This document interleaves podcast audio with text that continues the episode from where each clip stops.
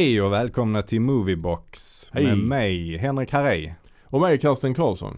Och idag så ska vi ta upp tråden där vi lämnade den senast. Förra gången så pratade vi om Superman på film. Och vi hann fram till eh, mitten på, till slutet på 80-talet med eh, del 4. eh, The Quest for Peace. Precis, alla Christopher Reeve-filmerna behandlades ju förra avsnittet.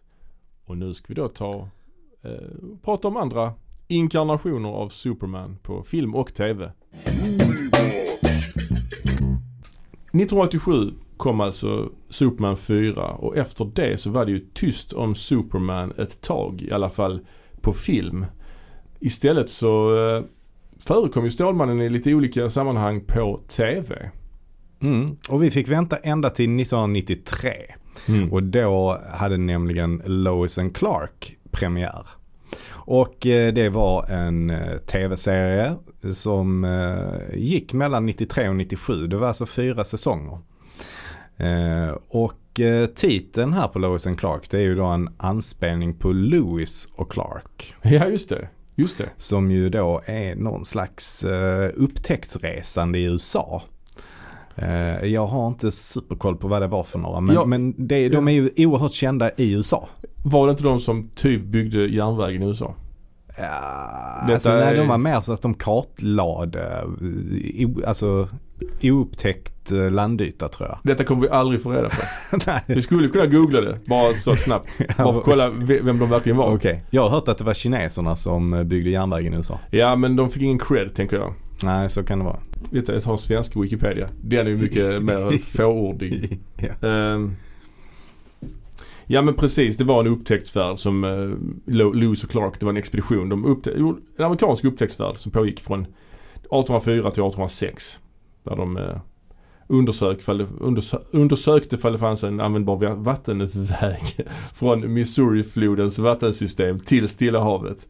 Ja, detta är ju Ja, men- Wikipedia. Ja men det, de var säkert involverade i järnvägen på något sätt men, men Ja. eh, vi, vi vet inget om det Nej. helt enkelt. Men eh, saken är i alla fall att eh, de är ju oerhört kända i USA. Alltså alla Ja. barn lär sig eh, om dem. Mm. Men det är inte något som riktigt har spridits lika mycket till eh, övriga delar av världen. Vad har vi för några motsvarigheter i Sverige? Eh, Carl von Linné har vi ju. Ja just det. Han skulle jag säga är eh, motsvarande Ja. där. Möjligtvis Alfred Nobel kanske. Ja.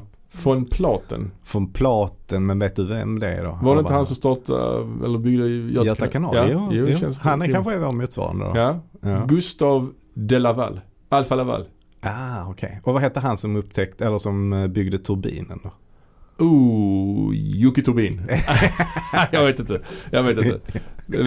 J.P. Johansson uppfann skiftnyckeln i alla fall. Ja, ja. Det är jag helt säker på. Ah, okej. Ja. Och så har vi han som uppfann musen också. Ja. Han är ju säkert vid liv. Walt Disney. Nej, men det är en svensk. Ja, ja, ja. Ja, ja. ja men det finns Men en han har, inte, han har inte lyckats eh, ta patent på det, så han har inte tjänat några pengar Ja, på det. klassiker. Precis som tändstickorna var också en svensk uppfinning ju. Ja, men Som- var inte det Nobel då? Nej, Nej, Tändstickskungen hette han. Ja, Kryger. Eh, Kryger ja. Vi går vidare till Lewis and Clark. Ja. Ehm, det här är ju då en eh, mycket komisk eh, serie och Mm. lättsam serie kan man säga. Och i alla fall anledningen till att vi eh, drog hela den här grejen med, med Lewis och Clark istället för Lois och Clark. Ehm, det var ju att den, den, den eh, i Sverige hette den ju Lois and Clark också. Men jag tror att den här anspelningen gick ju de flesta förbi. Men, men i eh, många andra länder i Europa så hette den The New Adventures of Superman. Ah, Så att där är inte Lois and Clark alls eh, liksom med i titeln. just det. Eh, men den här serien i alla fall den, den fokuserar på relationen mellan Lois och Clark. Eh, som ju titeln antyder.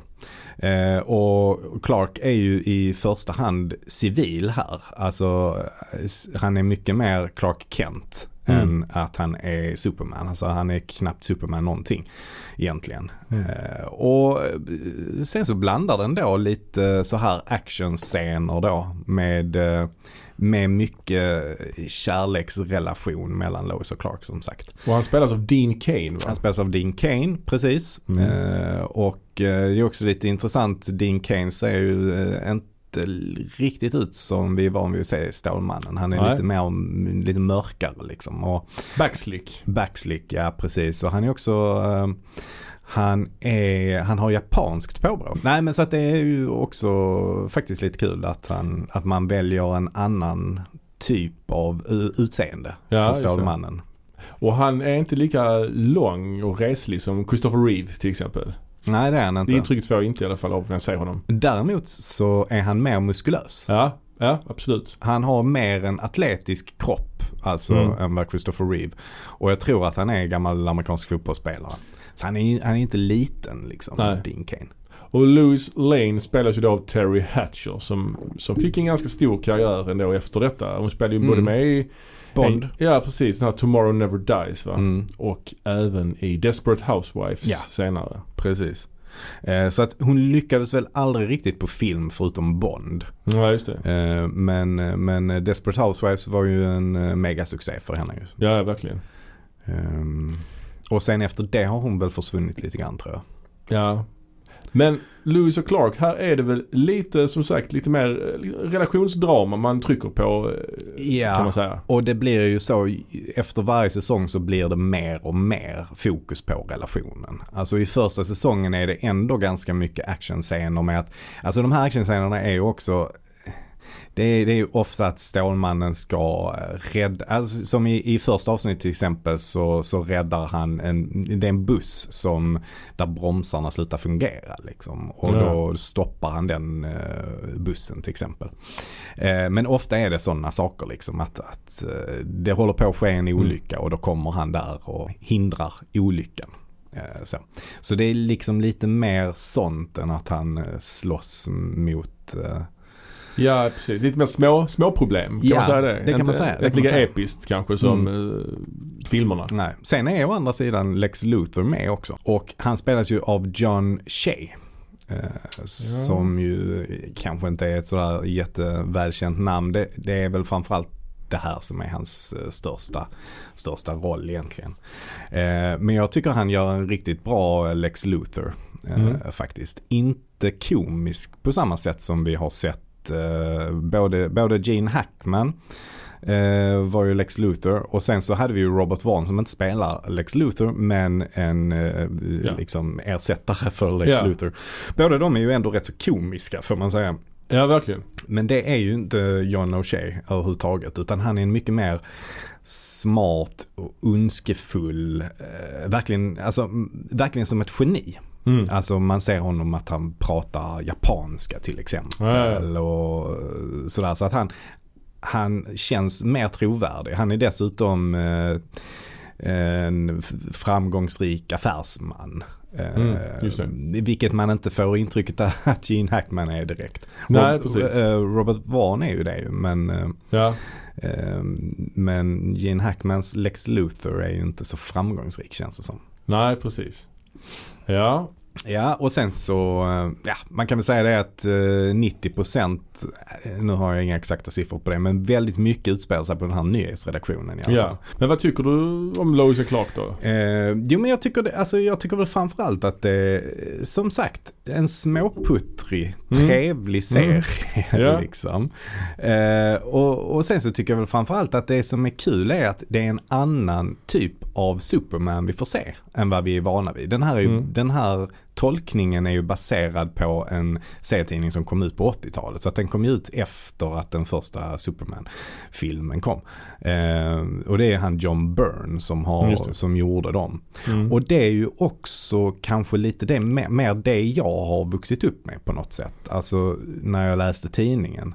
Ja. Den, den Stålmannen som är lite tuffare, inte, lite, inte lika bortkommen. Det är inte den här boy scout Superman. Nej, och han är nog inte lika mäktig heller tror jag.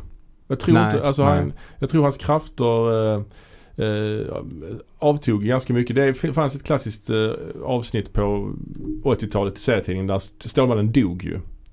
Eh, Mm. Och efter det, han kom, sen kom han ju givetvis tillbaks. Och då var han lite försvagad vill jag minnas. Och det var ju John Byrne som hade han, fick ansvar där.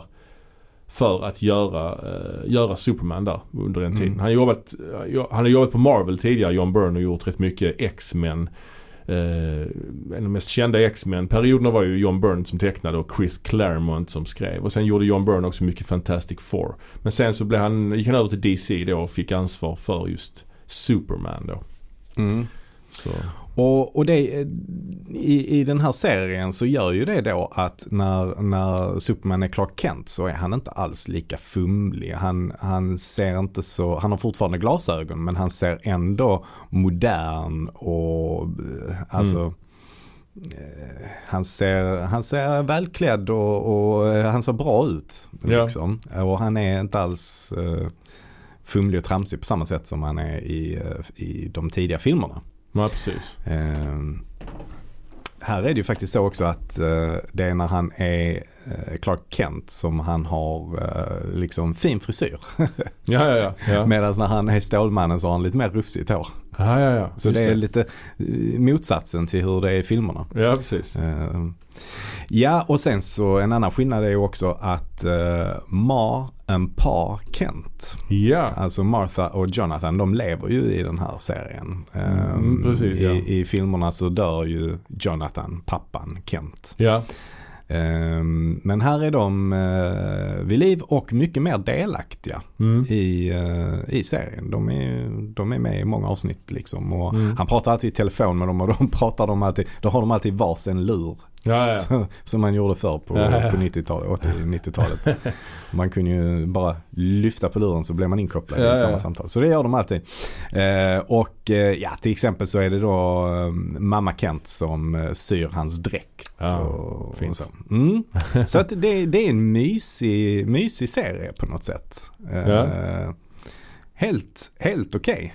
Men, Ja. men eh, som sagt, sen så avtar det och blir sämre på manusstadiet och sådär. Och det Ja. fokuserar mer och mer på deras kärleksrelation. Och de, de, eh, det är massa diskussioner om att de ska skaffa barn och sånt där. Jag, jag Mm. minns inte riktigt hur det, hur det gick där i, i slutändan. Jag tror de eh, adopterar något barn eller något Mhm. sånt. Men ja, sen blev det ingen fortsättning. Den, på, den pågick ganska länge ju den här serien va? Ja, fram till 97. Men det är ju fyra säsonger bara. Så att det, är Ja, ja, ja. Inte, det är inte så himla mycket ändå. Alltså. Nej. 88 avsnitt. Mm. Ja, det, det är, det är ju en del alltså. Det är, ja, det är en del att ta sig igenom. Ja, det är det. Men det är ju som sagt, detta är ju innan, innan TVn, tv-serier på den här tiden var ju inte vad de är idag så att säga. Nej, verkligen inte. Alltså det, det, de senaste, man får väl säga 20 åren ungefär så har det ju fått ett ordentligt upplyft. Ja, ja. Eh, Ja. Och det, det hade ju fortfarande inte kommit då. Ehm, det fanns väl en del miniserier som var välproducerade men jag Mm. tror att det var mycket, alltså till tv så gjordes det bättre saker i Europa på den tiden. Mm. Eh, än vad det gjordes i USA. Utan där var det mycket att det skulle produceras mycket material snabbt. Så man körde med liksom Mm. eh, sådana här trekamerasystem och Ja. sånt. Ja men precis. Och ja, Stålmannen under 90-talet har ju, förekom ju också i eh, olika animerade serier och så. Mm. Som vi kanske inte kommer som vi inte kommer att prata så mycket om nu. Men på 00-talet sen då så kom Mm. ju nästa tv-serie. Mm. Smallville. 2002 va? Något sånt? 20, 2001. 2001. Mm. Och då, vad är grejen med den då? Den utspelar sig som namnet antyder i Stålmannens eh, hemstad Smallville, Kansas. Och här är ju Clark Kent betydligt yngre än vad han är i eh, Lois and Clark. Här är han ju fortfarande, här bor han ju hemma fortfarande. Och eh, han ser lite annorlunda ut här också. Lite mer eh, rough around the edges. Lite långhårig. Mm. Eller Ja. långhårig kanske inte är, men ja Mm. men lite så. Ehm, och eh, ja, Mm. vad är grejen här egentligen? Eh, ja, men i, den här pågick ju i ganska många mm, säsonger. Det var tio säsonger. Ja. Eh, Så att den här höll ju på rätt länge.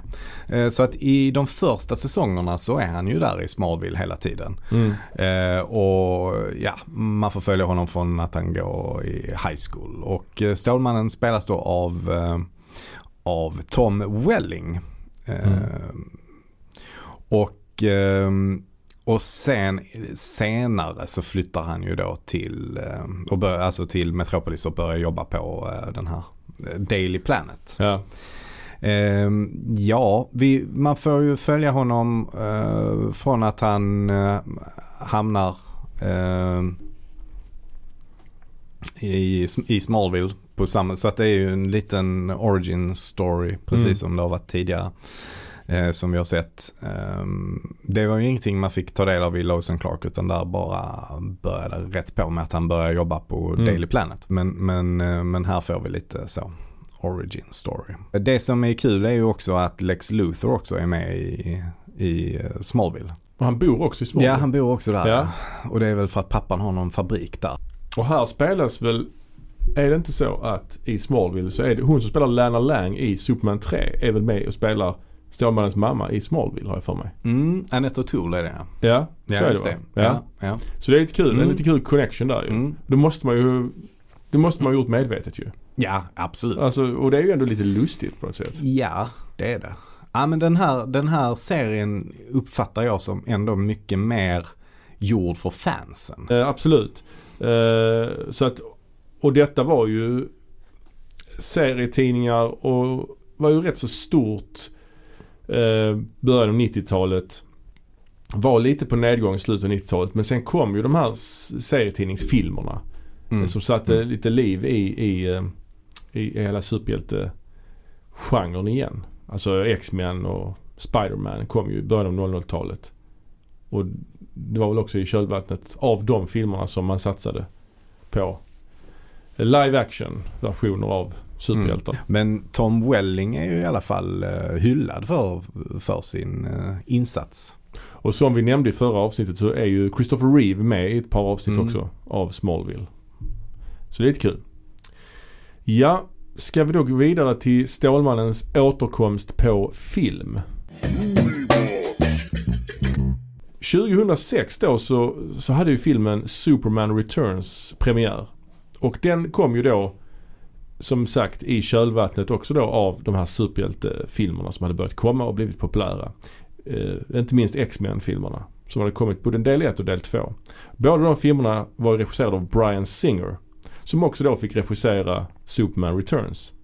Han vad har han mer gjort? Han har gjort The Usual Suspects bland annat. Ja, det var väl hans eh, genombrott. Ja. Eh, sen efter det gjorde han, eh, vad heter den? Dep Adept Pupil? Apt Nej, Pupil. Apt. Apt Pupil. Apt Pupil. Sommardåd. Ja, Stephen det. King, filmatiseringen. Och Ja. också med, med Gandalf där i Ja, huvudrollen. Som någon ja nazist Ja exakt ja. Ian McKellen. Ja. Precis. Eh, men ja, Superman Returns i alla fall. Och den är ju lite intressant rent, uh, den är alltså en uppföljare ju på de gamla Christopher Reeve-filmerna. Ja exakt, alltså den tar vid, eh, eller är tänkt att ta vid där, eh, där de gamla slutade. Ja, den, de, den beskrivs som en hommage-sequel. Mhm. Hyllningsuppföljare. Jag vet inte hur man ska tolka det. Men Nej. det är ju ganska unikt måste det ju vara för att det är ju en uppföljare där ingen av skådespelarna från de tidiga filmerna är med Mm. överhuvudtaget. Mm. Om man inte räknar Marlon Brandos hologram då, men han var ju död Mm. när den här filmen kom. Ja. Eh, Så, men han, han är ju med som Jor-El då i Mm, lite han har arkivmaterial. credit i filmen ju. Ja, postumt. I övrigt så är det ingen eh, skådespelare från de tidigare filmerna med i den här filmen. Nej. Nej och, och processen f- från att, eller till att den här filmen gjordes var ju rätt så bökig också. Mm. Eh, det var, det, det, den fanns ju som ett projekt under väldigt lång tid och det fanns många olika manusvarianter. Och, det- och, Ja. det, och det var ju det att när, han, när Brian Singer då han tog fram en egen eh, idé kan man säga. Som Ja. han pitchade. Och då tyckte de eh, att, det, att det var bra. Då fick han ju fortsätta med den och skriva manus. Kan jag bara komma med en passus där på andra sådana här projekt som du Mm. sa. Det fanns ju bland annat, eh, utvecklades ju ett manus av Kevin Smith. Ett Just det. Superman-manus Mm. som heter Superman, Death of Superman eller Superman Lives eller något i den stilen. Mm. Jag mig jag läste det manuset faktiskt. För det letade sig ut på nätet för den filmen blev aldrig gjord. Ah, ja. Tim Burton skulle regissera den och Nicolas Cage skulle spela Stålmannen jag för mig. Mm. Och, Detta känner jag igen. Och han, eh, vad heter han, Kevin Smith då har gjort eh, en litet, han har gjort en liten stand-up eh, spoken word grej om detta när han skulle Mm. göra det här manuset och att den här bolagscheferna ville att han skulle ha med en massa grejer som inte han vill ha med och Mm. som inte alls passar in. Och sen visade det sig att mycket av det som de ville ha med i hans Superman-film sen hamnade i den här eh, Will Smith-filmen Wild Wild West. Jaså? Den här jättelik mekanisk spindel och grejer. Det är jättekonstigt. Okej. Ja. Men den blev ju aldrig gjord som sagt. Nej, nej, och det är väl, tycker jag, tur det Mm. faktiskt. Ja. Inte, det kanske inte betyder att han har gjort en, en sämre insats, eller att det har blivit en sämre film än vad Superman Returns är. Men ändå, Mm. liksom. Ja. Ehm, så Vad är var- jag glad att han inte gjorde någon uh, Superman-film. ja, precis. Det som är roligt är ju att han egentligen inte är ett Superman-fan. Nej. eh, Brian Singer. Han eh, gillar liksom inte riktigt eh, Superman. Däremot så tycker han ju att ettan framförallt är väldigt bra. Alltså Ja. Richard Donner-filmen. Mm. Eh, och det, det märker man ju Ja. väldigt mycket. Eh, man, den, han försöker ju efterlikna Superman 1 i, i Ja, den här filmen. Och han ville ju precis som eh, Richard Donner ha en eh, okänd person. Och då fastnade han för Brandon Routh på, Ja. eh, som man såg på ett av de här banden. Eh, som ju var okänd vid det här tillfället. Och är det fortfarande? Nej. Ja, det, får man nog faktiskt, det får man nog faktiskt säga. Tittar man på hans meriter så, så är det liksom inget som riktigt sticker ut. Ja, hans karriär flög inte, no pun intended, efter, efter det här faktiskt. Han, Mm. han är numera är del aktuell i den här eh, andra DC-serien, den här Legends of Tomorrow. Mm. Där spelar han ju istället Atom. Mm. Men jag för mig också att han gör en cameo som Superman i något senare avsnitt här faktiskt. Någon slags crossover avsnitt tror jag. Mm. Så det är lite kul ju. Mm. Men ja, Men, men den är ändå inte att jämföra med att spela eh, liksom Stålmannen. Nej. Alltså, nej verkligen inte. Men, men det är som sagt en, en hommageuppföljare och det märks ju i förtexterna. Det är ju samma typ av förtexter och det är John Williams musiken är med. Det är någon text i början. Stålmannen eh, Mm. har eh, upp... han, han, han, eh, alltså han, han vill undersöka om krypton finns kvar. Ja, han har fått någon signal. Han har Mm. plockat upp någon signal från krypton. Där krypton låg en gång i tiden. Och så har Mm. han begett sig dit. Och varit borta då. Hur länge har han varit borta? Fem år. Fem år är det ja. Eh, och eh, då ska, eh, filmen heter då som sagt Superman Returns. Så han kommer, ska, kommer ju då tillbaks efter den här femåriga eh, frånvaron. Ehm, men eh, Och då kan man säga, om vi nu pratar lite om handlingen, Mm. att eh, Lex Luthor, eh, han eh, figurerar ju tidigt här i filmen också. Och han planerar ju då nästa stora dåd. Och det här dådet som han planerar påminner ju ganska mycket också om det som är storyn i Superman the Movie, ettan alltså. Ja, också påminner också lite grann om nästa film vi kommer att prata om Man of Steel. Men det kommer vi till då. Mm. Eh, även om inte han är med i den filmen. Men Ja. eh, Men, men i alla fall, det, det, hans, hans plan är i alla fall att han ska, han ska, vad är det han ska göra? Han ska, han ska bygga en ny kontinent på något sätt. Eller han ska Ja. skapa en bomb, en, är det en bomb eller? han tar sig till eh, det här Fortress of Solitude. Ja. Eh, snor lite kristaller därifrån och ska slänga ner dem i vattnet för att skapa en, de, han Ja, upptäcker att de, det. när de kommer ner i vattnet så skapar de en ny landmassa. Ja, Då ska han skapa en ny landmassa då som ska bli hans. Som Ja. kommer att sluka en stor del av USA också. Den kommer ju att göra att eh, USAs östkust kommer och vattnet kommer liksom att Ja. sluka. Och det är ju en eh, throwback liksom till första filmen när han säger min pappa sa att Mm. folk kommer alltid behöva land, mark. Mm. Eh, Mm. liksom. Ja, så det är lite precis. kul. Och här spelas ju Lex Luthor då av Kevin Spacey. Kevin Spacey och Brian Singer de samarbetade ju även i Usual Suspects. Och Ja. Så nu gör de det här igen. Och, ja, det känns ju konstigt äm, att eh, det är de två Mm. och, eh, igen. Och eh, om man inte då nämner att båda de två är ju Ja, de har ju figurerat i MeToo på olika sätt. Eh, Kevin Spacey känner väl de flesta till Ja. eh, vad som har hänt där. Men eh, sen har vi något liknande också med Brian Singer. Ja. Det, är, det är rätt många stämningar som har pågått Ja. genom åren mot honom. Eh, som ju då handlar om, ja men det är pojkar som har blivit utsatta. Precis. Eh, Och han har ju förnekat allt detta och så vidare. och han har väl kanske ändå kommit eh, rätt så, eh, vad ska man säga, alltså han, han har inte blivit fälld för någonting i alla fall. Nej. Och det känns som att hans rykte inte har svärtats ner lika mycket Nej, som han, Kevin Spacey. han gjorde ju, regisserade ju den här Queen-filmen också, den här Bohemian Rhapsody. Mm. Men hans namn togs väl bort, har jag för mig, i vissa länder eller vad det var. Eller när det var någonting när han var, den här, skulle få pris på den här Bafta-galan så var inte hans namn med bland de nominerade. Fast, Okej. han, fast det Mm. borde vara det liksom. För han Mm. var ändå en del i filmen och så vidare. Mm. Ja, han Ja. står fortfarande som eh, regissör på Ja. det.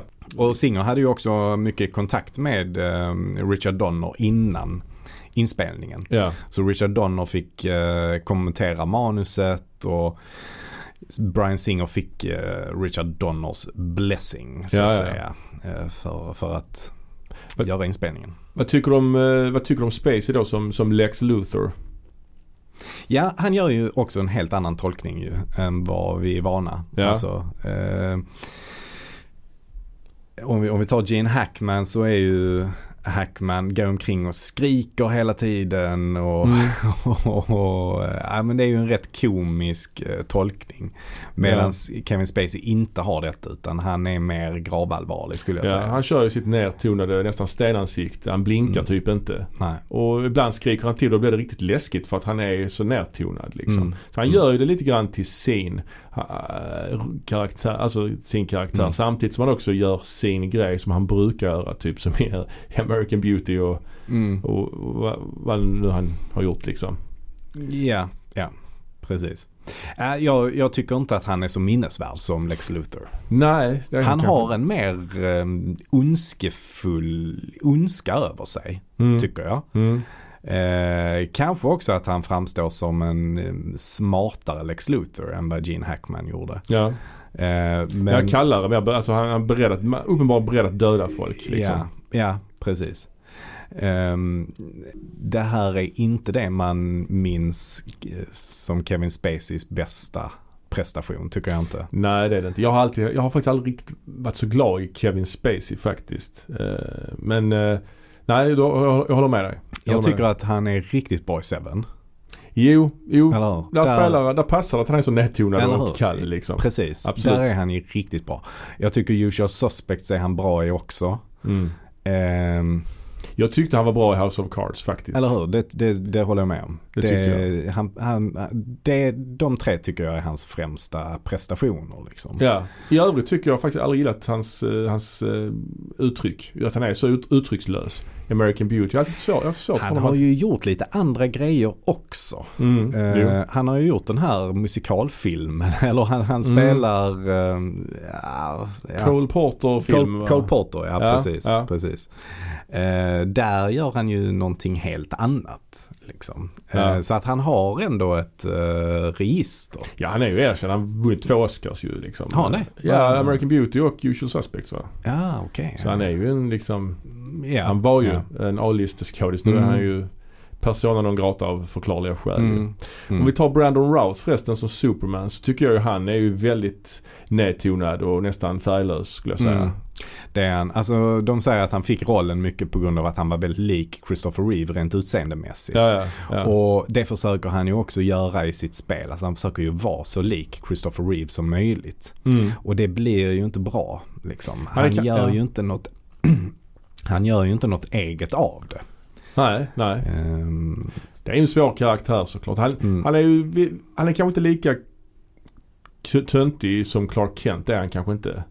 Alltså han fastnar inte i dörrar och sånt hela tiden och hit och dit väl. Men eh, nej, men det går, drar ju åt det hållet. Ja, det alltså. gör det kanske, Eh, ja. Så att jag tycker att det är, det är och, och då är vi tillbaka till den här Stålmannen som jag inte riktigt känner igen. Nej, liksom, nej. som jag inte riktigt identifierar mig med. Eller, Mm. ja, vad man nu ska säga. Det är inte, Ja. den, det är inte den Stålmannen som, som jag har läst i serietidningarna. Ja, riktigt. precis.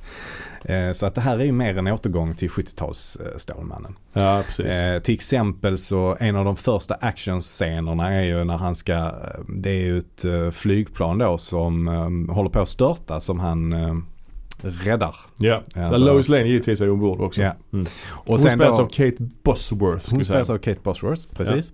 Eh, I alla fall så räddar han det från att krascha och så sätter han eh, lugnt och eh, säkert ner det på marken och då går han in och så eh, pratar han lite till passagerarna och då säger han, avslutar han till exempel med att säga då eh, statistically eh, flying is still the safest way to travel. Något i den stilen. Ja. Alltså, och det är just att han lägger till de där töntiga grejerna att säga. Alltså Mm. att han är, han är, ja men det är boy scout. Säger inte Christopher. Reeve något liknande också? Jo, alltså han säger ju sådana grejer hela tiden Ja. så fort han gör någonting. Alltså det är som en robot nästan. Alltså, apropå actionscener så är det ju, den här filmen är ju ganska fattig på det. Ja. Alltså den är, ju, den är ju ganska händelselös faktiskt. Mm. Mm. Ehm, och eh, det ja, det här är ju den första stora uh, actionscenen. Ja, efter hans återkomst. Han störtar ju på eh, sin uh, Mm. I, I Smallville där. Ja, hos sin Mm. mamma där. Hon spelas av Eva Marie Saint, känd från någon gammal Hitchcock-film, jag kommer inte ihåg vilken. Ja. Ehm, Hon är åldrad kan man säga. Hon är åldrad, ja. Hon är äldre än vad hon har varit i de andra. Ja, det tror jag man kan säga. Men där, jag kollade lite på extra materialet på, eh, på eh, DVDn, eller Blu-rayn. Och där är ju en scen bortklippt där han är på Krypton i sitt rymdskepp Mhm. och kollar läget lite grann. Ah, Som känns Okej. väldigt, som är väldigt så, ingen, ingen dialog alls, tyst, ja. mörk. Den är rätt så cool. Det är, låter coolt Ja, faktiskt. det var synd om de klippte bort det för att det Ja. hade gett eh, filmen ganska mycket tror jag. Ja. Nu Ja, är det ju bara den här texten att han har varit borta och sen så kraschar han på fältet där och hon Ja. tar hand om Ja. honom. ja, för man vet inte riktigt hur han, eller man får se i sig att han kraschar ju på jorden igen ju. Men, Ja. men hur tog han sig till krypton? Det, Ja det är det skeppet som han har i, i första filmen, Stjärnan. ja, ja. Det är det Okej. skeppet han åker i. Det är det. Ja, det har han som det. lagat det, då? Han har någon slags modifierad version. Han kanske Ja. byggt, byggt en ny modell av det, jag vet inte riktigt. Mm. Ja. Och samtidigt då så har ju då Lex Luthor, eh, han har ju lyckats förärva någon gammal tants pengar. Mm, Så han blir eh, ekonomiskt oberoende och då Mm. kan skrida till verket. Han har svindlat till sig pengar kan man säga. Ja. Och han har då ett Heter det sol och våra? sol och våra. Vet du var det uttrycket kommer ifrån? Nej, Sol och vår. För det, man tänker inte på, det är ju konstigt. Sol och vår. Det är liksom Ja. inte, Nej Ja. det, är, det är märkligt. jag Sommar och vår borde det kanske vara. Ja precis, eller sol och regn. Nej, det handlar om, eh, det var någon sån svindlare som Mm. eh, satte in annonser i tidningar och lurade folk. Och han Mm. hade signaturen sol och vår tror jag. Jaha, Hence name sol och våre. Ja. Har jag för mig. Ja men jag känner igen det. Jag känner igen det. Det har något med Ja. kontaktannonser att göra. Ja, jag tror det. Men han har ju ett gäng också, Lex Luthor. Han har ett par eh, underhuggare plus då eh, en kvinnlig assistent spelad Mm. av Parker Posey. Just det. Som är lite grann en comic relief i detta ju. Mm. Hon heter dock inte Miss Tess Nej. i, i den här filmen. Nej, men hon skulle ju lika gärna ha kunnat gjort det. Ja. Hetat så. ja, för det är någonting med den här filmen som gör att det är lite märkligt. Att det är en uppföljare men ändå är det samtidigt en liten reboot Mm. på något sätt. Alla är ju naturligtvis betydligt yngre. Mm. Ehm, men eh, det ska ändå vara en fortsättning på den första filmen. Man ignorerar ju de, tvåan, trean, fyran nämns ju Mm. inte egentligen överhuvudtaget. Men de har ju, man säger ju inte att det inte har hänt så att säga. Nej.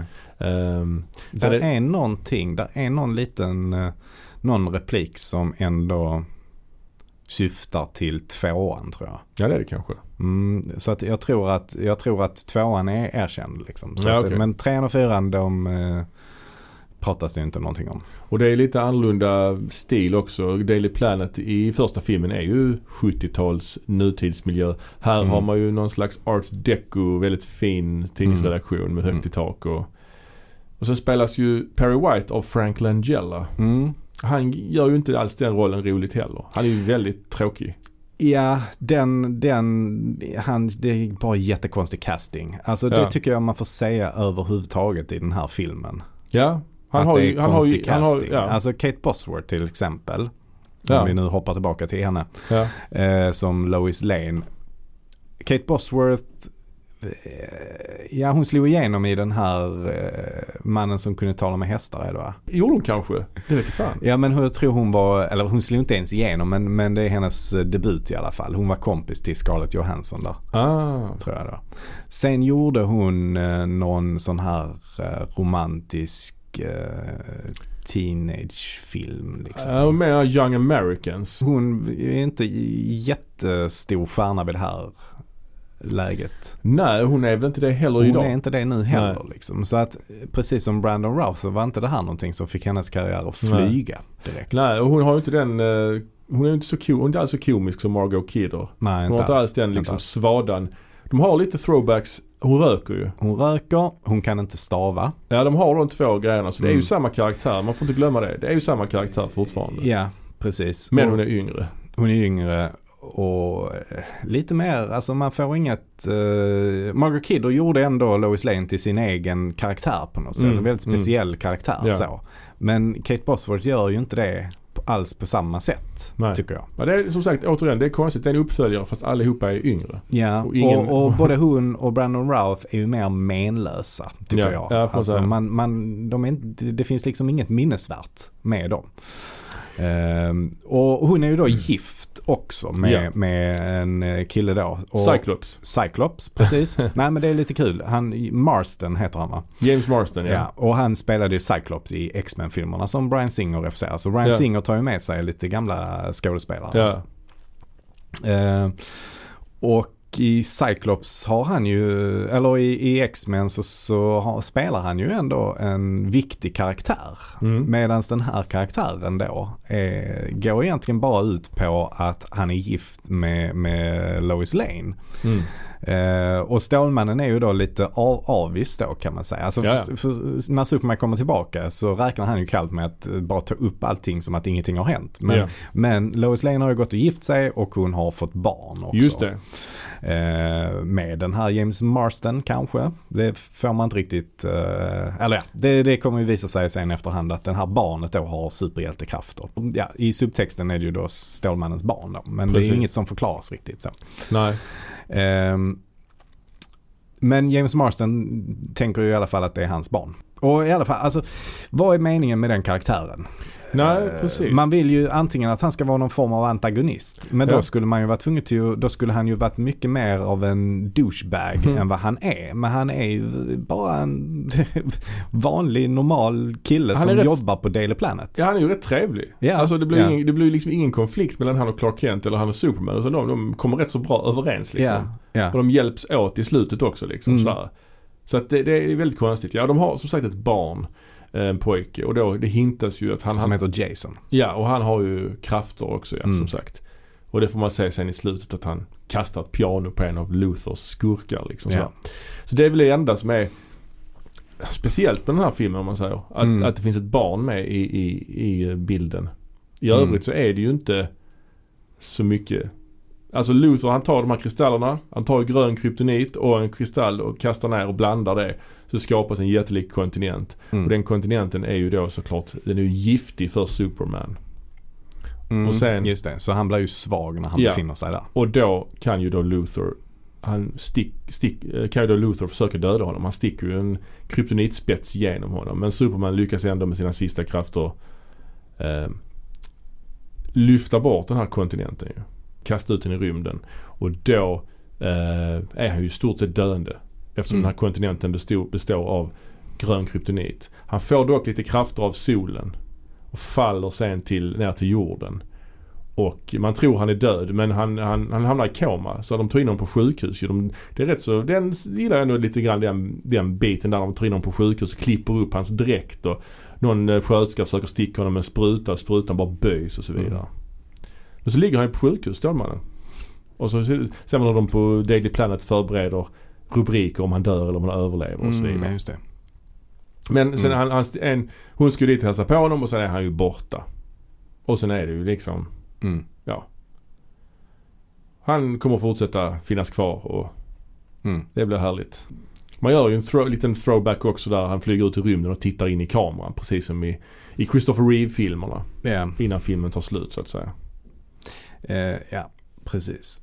Ehm, ja, men det, det man kan säga om den här, det som, det som också skiljer denna är ju att actionscenerna är ju mycket bättre. Effekterna är ju mycket bättre.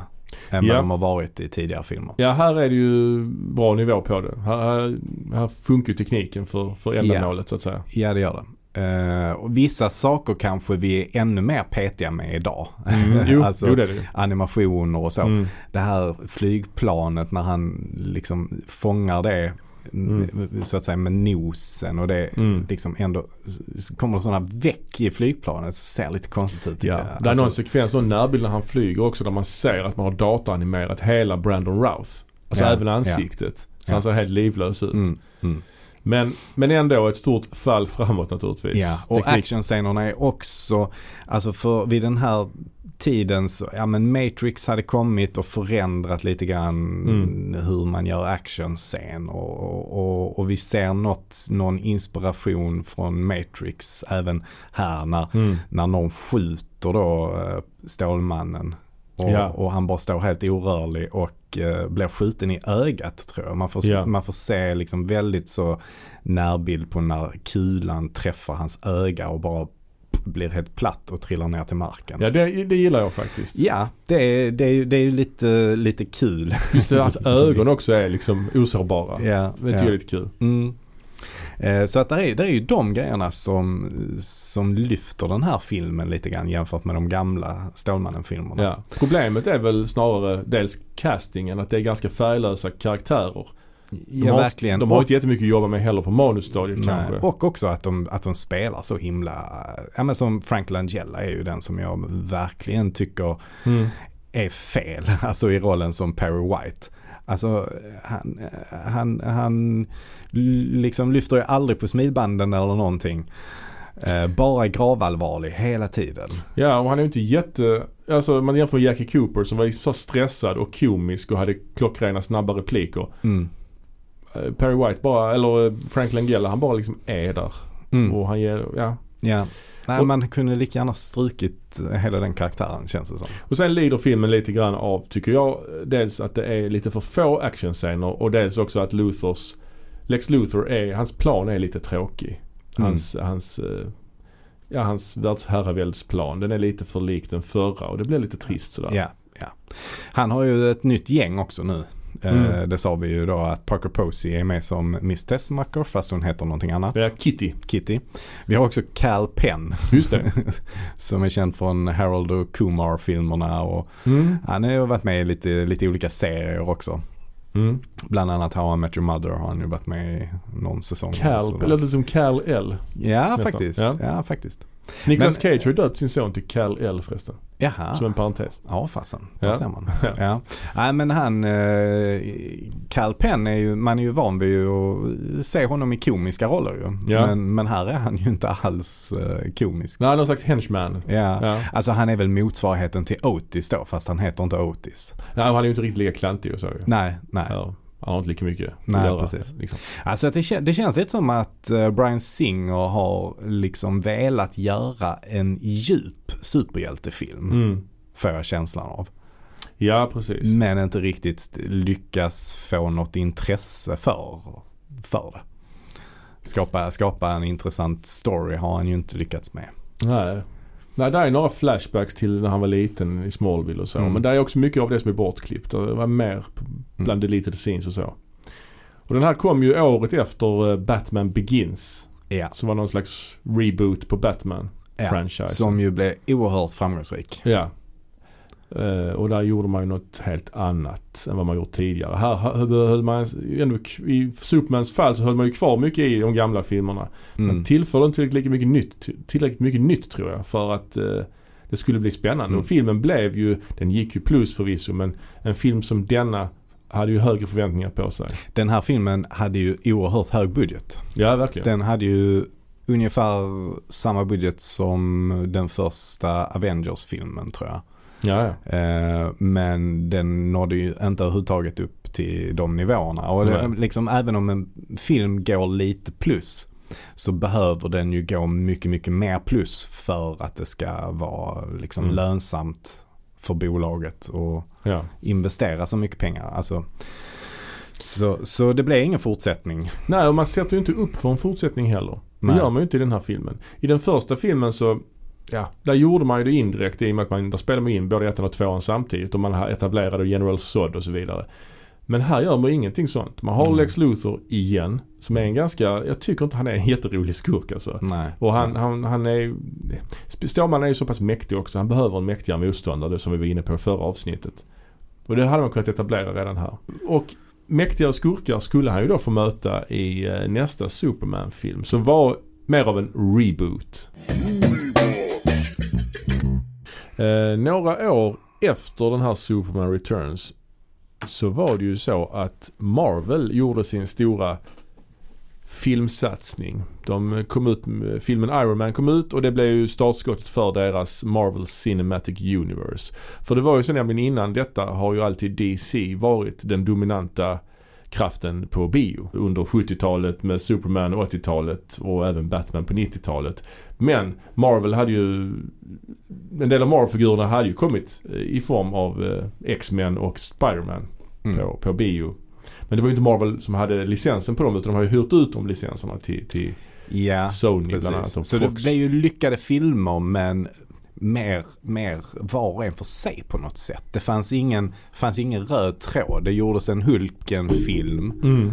som inte hade någonting egentligen med uh, Spindelmannen-filmerna att göra. Det var Nej. helt olika världar de Ja. befann sig i.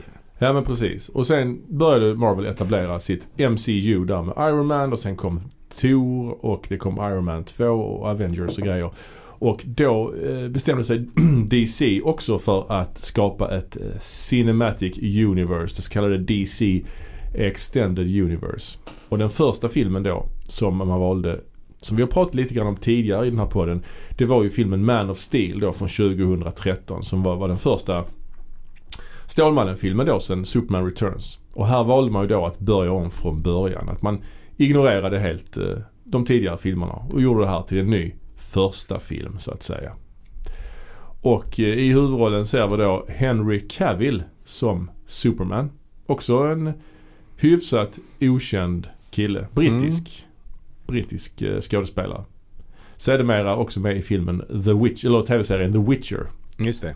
Han har haft en rätt så bra karriär. Ja, det har han. han eh, efter, efter det här har han ju även medverkat i Mission Impossible. Ja, visst. Som ju han fick lite uppmärksamhet för. Kanske mest eh, på grund av hans eh, ansiktsbehåring. Ja just det, det var mustaschen vi pratade den, om. den ledde till, till en del eh, skandaler kanske man kan säga. Ja. Sen var jag också med i filmversionen av Mannen från Uncle. Just det. Apropå Robert Vaughn då. Som, Mm. Ja. Så där har vi ytterligare någon konstig Superman-koppling. ja, jättekonstig. Övernaturlig. Ja. Eh, sen har vi ju då eh, också i den här filmen Russell Crowe som Jor-El. ja.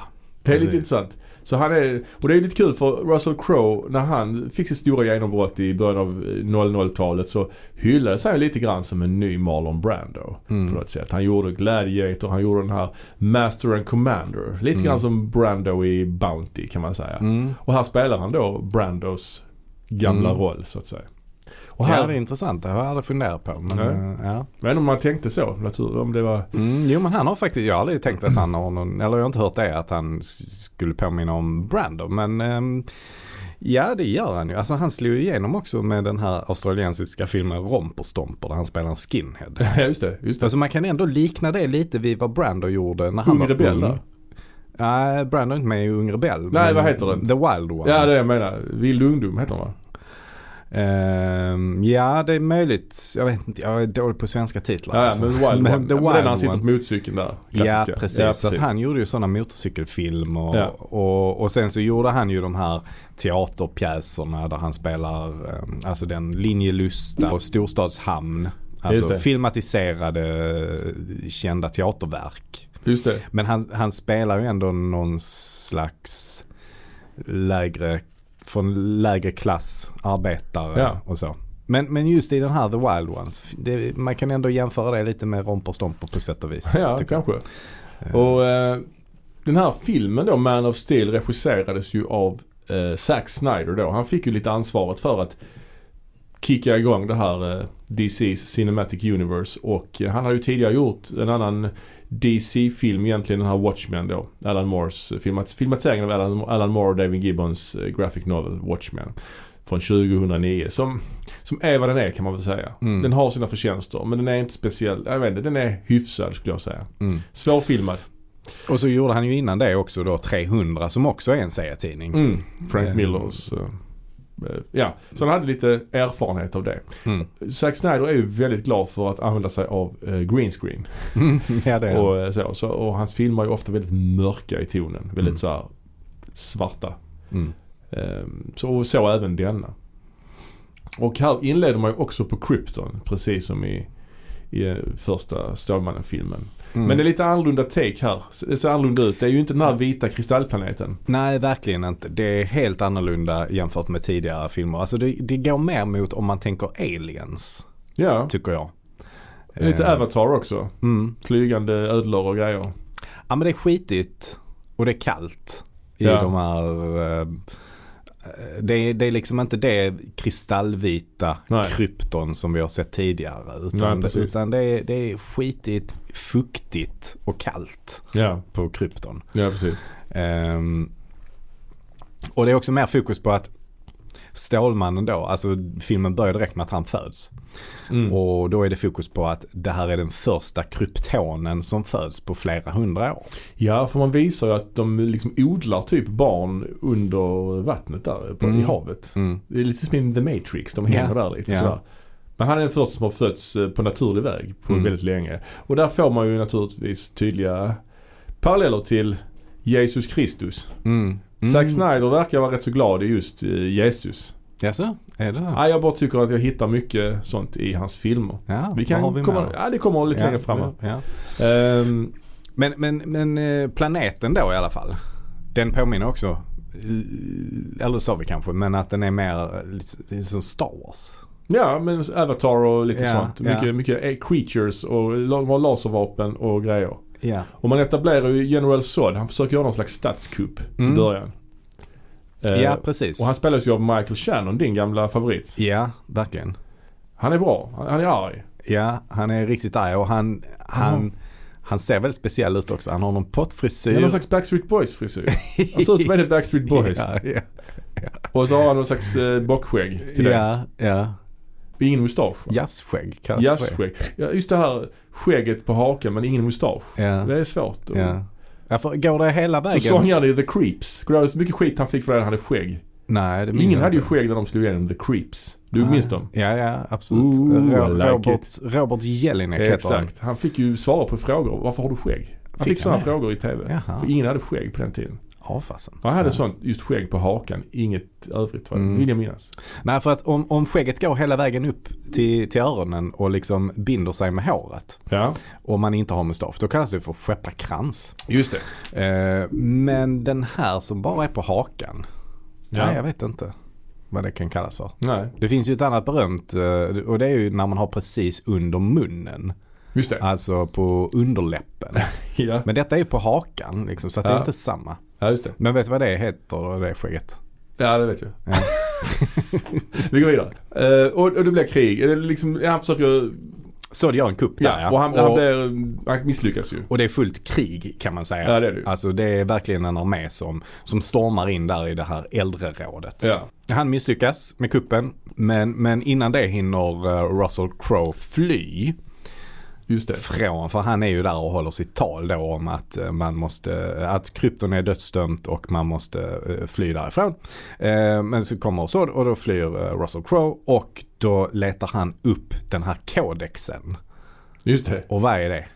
Ja, vad är det? Ja men det är det då, det innehåller på något sätt all samlad eh, Krypton... krypt, ja, Flora och fauna. flora, fa- kryptons flora och fauna. Ja, Ja, liksom precis. DNA, Mm. tydlig, all, all, all genetik för allt på krypton typ. Ja. Och, och det, det blir ju då filmens MacGuffin kan man ju Ja, säga. det är den som sen Sod vill få tag på för han vill återuppliva krypton. För det blev ju så att Sod och hans kumpaner blev ju fångade och de blev satta i den här fantomzonen igen. Mm. Den Fantomzonen... här gången ser det lite annorlunda ut. Ja, i första filmen är det ju mer som en glasskiva som flyger ut i, En rymden. L- LP-skiva av glas. Som de sitter Ja. fast i. Precis, en Queen- en Queen-skiva. Mm. I den här filmen ser det mer ut som en dildo. Som de skickar ut va? Ja, precis. Eller en sarkofag har jag tänkt. Men du såg en dildo. Eller vilket är det? Det är något som en dildo. jo, men det, jo absolut. Det har ju fallisk, fallus, Ja, ja, fallus-symbol. Ja absolut. Jo, De är falliska. Jo det kanske, det var bara att jag gjorde den associationen. Jag gjorde det direkt. Ja, Ja. det var det. Ja men de blev uppskickade i dildos i alla fall. Ja. Och, och sen sprängs eh, krypton och då, eh, då, då släpps de fria på något sätt. Men då har de redan skickat iväg eh, Stålmannen. Ja, I, i hans, och, och han har då fått med sig kodexen också just det. på något vänster. Och sen, sen är det ju så att den här filmen har en lite annorlunda- struktur. Ja, Eh. och, och det är väl tur det. Liksom. Ja, det jag För säga. att vi hade inte pallat med ytterligare en origin story liksom. Nej. Eh, vi, vi vet redan vad som händer liksom. Vi vet att han kommer till Smallville för det är ju så Mm. etablerat i filmerna. Alltså det, det finns ju även med i i, i Superman Returns till och med. Liksom. Och vi har hela Smallville också. Så att det här är ju Ja. etablerat vad det är som händer. Så att det som händer nu det är att vi klipper till Clark Kent som eh, lite äldre. Han har redan lämnat Smallville. Ja, ja. ja. Däremot är han ju inte på Daily Planet. Han är ju inte journalist. Nej, han är mer någon slags, uh, he walks the earth He walks the earth. like Kane in Kung Fu. Exakt, ja. precis. Ja, men han, han, eh, han vandrar omkring och söker. Liksom. Ja. Han är väl en sökare. Han jobbar på någon fisketrålare. Ja, precis. Han, eh, han, han tar, man tänker sig väl att han tar då lite olika ströjobb. Och han hjälper folk också. Det händer olyckor och så är ju han ju där och lyckas rädda folk och så vidare. Ja. Men han är ju dock inte Superman. Nej. Han gör det. Utan han gör det som, mer som en privatperson. Så att han är på en eh, fisketrålare. Eh, och sen så tar han jobb på någon slags bar tror jag.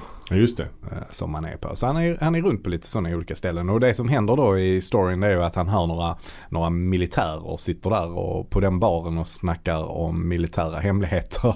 Ja. Eh, För de har då upptäckt eh, ett eh, Något, någonting, de vet inte vad det är för någonting men de har, de har hittat det i, eh, vad är det, i Kanada eller? Mm. I typ i nerfruset i isen Just det. i norra Kanada. Eh, och det är något slags rymdskepp. Men, men de, är, de är inte säkra på vad det är. Men, men, eh, men Clark Kent snappar upp detta och bestämmer sig för att eh, undersöka vad det är för någonting. Mm. Eh, så då, då hamnar han på den här militärbasen då. Eh, eller det är ingen bas kanske men det är, ja, de, de har någon sån utgrävning där och ska undersöka det. Ja. Och då introduceras vi för nästa karaktär. Eh, som ju är Lois Lane. Denna gång spelad av Amy Adams. Ja, och här har hon ju också en lite annorlunda ingång i det. Utan hon, hon håller ju på och undersöker den här mystiska, den här mannen då. Som man har sett och som har hjälpt folk och alltid är i närheten när det sker något oförklarligt. Och det är ju alltså Clark Kent då. Men hon håller på och letar efter honom och intervjuar folk som har varit vittnen till olika märkliga händelser och sånt. Så han är nästan lite som en urban legend som hon undersöker. Det tycker jag, det är ju lite kul. Mm, mm. Det, det ger någonting tycker jag. De träffas ju först där på den militärbasen innan detta händer. Ja. Eh, för att hon, hon eh, tar sig in i det här rymdskeppet. Och det här rymdskeppet visar sig vara då eh, ett rymdskepp som är utsänt från krypton. Mm. Och, och då beger sig ju hon och Stålmannen in där eh, samtidigt. För hon märker att han är på väg in där och undrar, aha, vad håller han på med liksom? Så följer hon efter honom in och då kommer det någon sån skyddsrobot där som Ja, Ja, som hon blir skjuten av kan man väl säga. Och då räddar han henne. Mm. Så att då får hon ju se vad han har för krafter och det gör att hon eh, beger sig ut för att leta efter honom. Hon hittar ju så småningom, ja han tar ju det här rymdskeppet också va? Ja och han eh, får reda på då vem han är och så vidare. Det, Ja. det, det är ju så också, återigen här minut 50. Där är han ju, får man ju se honom i Superman-dräkten för första gången. Mm. Han provar flyga lite och så. Mm. Mm. Men under hela den här tiden så klipper man ju tillbaka och gör Mm. flashbacks till hans eh, uppväxt. Precis. Eh, Så att man berättar ju origin storyn ändå, återigen. Fast man gör det i mycket mer eh, korta segment som flashbacks istället. Och här spelas ju hans föräldrar, pappan spelas av Kevin Costner och mamman av Diane Lane. Mm. Så det är stora namn. Mm. Och då får vi se honom i olika åldrar. Mm. Eh, han blir, vi får se att han har en rätt så tuff uppväxt och blir mobbad. Och han vill så himla gärna slå tillbaka på sina mobbare men eh, Kevin Costner då, pappan. Han, han, är ju, han tycker att han ska vara väldigt återhållsam. Mm. Mm. Och där är ju en sekvens där eh, han sitter på en skolbuss och skolbussen åker av en bro och hamnar i vattnet. Och då lyfter han upp bussen. Ja. Och då ser ju de andra barnen vad, han håller på med. Ehm, och de berättar ju det för sina föräldrar. Och så, och så blir det lite så eh, möten mellan föräldrarna och sådär. Och då efter det så pratar ju Jonathan Kent med Clark Kent då om att att han, att han måste vara väldigt eh, aktsam med att visa sina krafter och Mm. sådär. Och, ja, och då får han ju det här eh, dilemmat, liksom, det här moraliska dilemmat. Ja. Alltså är det, är det viktigare att liksom hålla mina krafter hemliga om jag då ändå måste låta människor dö? Liksom? Eller gjorde han rätt i det fallet? Och, och Jonathan Kent är ju väldigt ambivalent där. Det är ju också en skillnad mot hur det varit tidigare. Liksom. Mm. Att för honom är det viktigare att eh, Clark Kent håller sin identitet hemlig Mm. än att han räddar de här barnens liv egentligen. Ja och det hela ställs ju på sin spets på något sätt under en eh, sån här tornado. Som, som sker. Det är ju någon bilkö Mm. och så blir det en tornado. Och Jonathan Kent, spring, Kent springer iväg för att rädda någon. Men han hinner inte själv tillbaks. Och då är ju Clark på väg att använda sin supersnabbhet för att rädda sin pappa. Men då gör, tar han ju, sätter han ju upp handen och liksom stoppar honom att nej, gör ingenting, låt Mm. mig dö. Mm. Så sugs ju han in i tornadon. Eh, så. Mm. Jag vet inte vad jag tycker om det. Jag tycker det är lite för mycket. Just Ja, ja. den scenen. Är lite ja, jag tycker det också. Det är samtidigt så, eh, Jonathan Kent ska ju dö. Det ingår ju i hans, eh, på något sätt, eh, Ja, det, ingår ju i rollbeskrivningen. Liksom. ja, lite så kanske. Inte i Smallville, eller inte i den här Lois och Clark dock. Men eh, i filmerna är det ju så. Mm, mm. Ehm, Och, och här dör han ju då inte av en hjärtinfarkt som han gör i eh, Superman the Movie. Nej. eh, utan i en tornado istället. Mm. Ehm, ja, alltså den här eh, pappa Kent är ju mycket mer, vad ska man säga, macho. Mycket mer... Ja, det är ju Kevin Costner liksom. det är Kevin Costner. ja. Ja. Alltså han är, han är inte lika, lika varm och så utan han är, han är lite mer en rationell uh, machoman Ja, tycker ja. jag. Ehm, det är intressant ändå att det, det är rätt stor skillnad mot hur det har varit tidigare. Sen kommer ju då Sod tillbaka.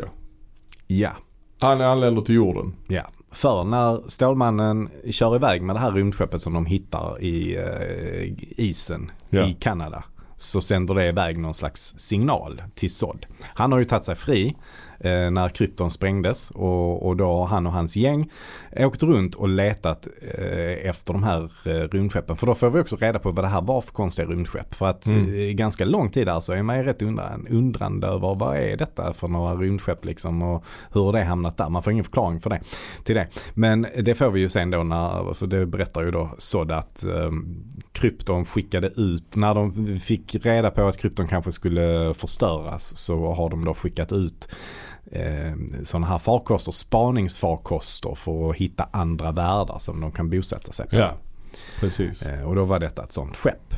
Och då har ju då, då Sod plockar upp signalen och beger sig till jorden. Och det sker ju väldigt snabbt sen. Att han kommer dit och tar över. Och, och då har ju Mm. Superman etablerats.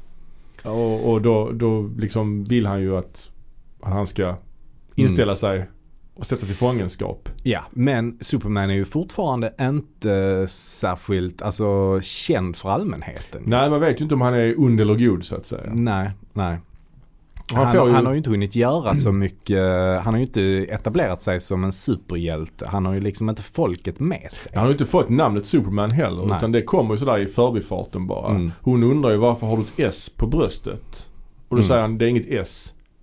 Utan det är liksom, ja, Mm. en kryptonsymbol. Precis som i Marlon Brandos fall. Han hade ju också den på sig. Mm. Och de olika familjerna har olika sådana här familjevapen. Och det roliga här är för, för, mig- för min del personligen. När jag var liten och fortfarande dessutom. Mm. Jag ser inte det som ett S. Jag gör inte det. Utan jag, jag vet inte hur du ser det. Nej, det är samma sak här. Nej, jag har heller aldrig kopplat det som ett S. Det är det ju såklart. Ja, Men ja. jag har alltid sett det som en röd, eh, vad blir det, en diamantformad röd grej med några gula bitar som är i. Ja. Liksom. ja, men absolut. Samma här. Ja. Eh, Ser man det som ett S är den rätt ful alltså. Ja, men alltså i det tidiga, tidiga, tidiga eh, serier Ja. så var, då var det ju ett S. Ja, då var det liksom. väldigt mer primitivt. Ja, Eh, då var det i princip en, en röd cirkel och som ett gult S i. Ja, men typ liksom. så. Alltså, så. Ja. Ja, jag har alltid sett eh, tvärtom. Jag vet inte vad det kallas för. Det är något fenomen det där va? När man ser... Eh, Ja, som en negativ yta kan man kalla det för Ja. i, i grafisk designspråk. Jag har haft hade likadant när jag var liten med Batmans märke. Alltså det här klassiska Batman. Det är den gula ovalen Mm. med Mm. fladdermusen. Jag såg också, såg heller inte fladdermusen. Nej. Utan jag såg liksom gula, två gula vit grejer där uppe Ja, och ja. två där nere. Och så ett svart hål i mitten liksom. Ja. Ja. Nej men eh, när man jobbar med logotyper och sånt till exempel Mm. så eh, är det ju väldigt viktigt att ta fram en negativ variant säger man ju. Ja, ja. Eh, Och det är ju då om man, om man till exempel då gör en logotyp som är svart. Liksom. Precis. Så om du då vill trycka den på, en, eh, på ett fotografi till exempel som Mm. är lite mörkt, ja då kommer ju inte det synas. Så Nej. då är det väldigt viktigt att man har en negativ variant Ja. på symbolen Ja. som då är vit istället. Ja. Eller om du har den på svart tröja till exempel så måste du ha en ljus. Exakt, Ja. exakt. ja det, är, det är intressant. Men ja, och sen och då säger hon, eh, hon säger väl Superman men det, det avbryts. eh, Eller det blir något sånt oljud som man aldrig får höra hon, henne säga det. Men sen så hör man det sen i förbifarten. Han kallas Superman visst, säger någon. Och så Mm. vidare. Mm. Men det går väldigt fort. Sod invaderar jorden. Mm. Med människorna beslutar sig för att lyda honom. Ja. Och de sätter, sätter Superman i fångenskap.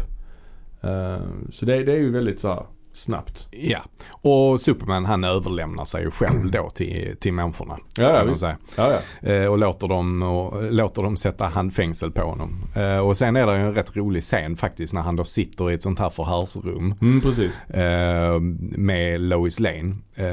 Och då är det ju en sån här klassisk spegel då och bakom den så, så står ju då hela, hela gänget då som ska förhöra honom. Men han kan ju se igenom den här spegeln. Ja. Liksom. Så han kan ju till och med säga vad, vad den här generalen har eh, i sin bröstficka. Ja, exakt. Det är en ganska rolig scen Ja. tycker jag.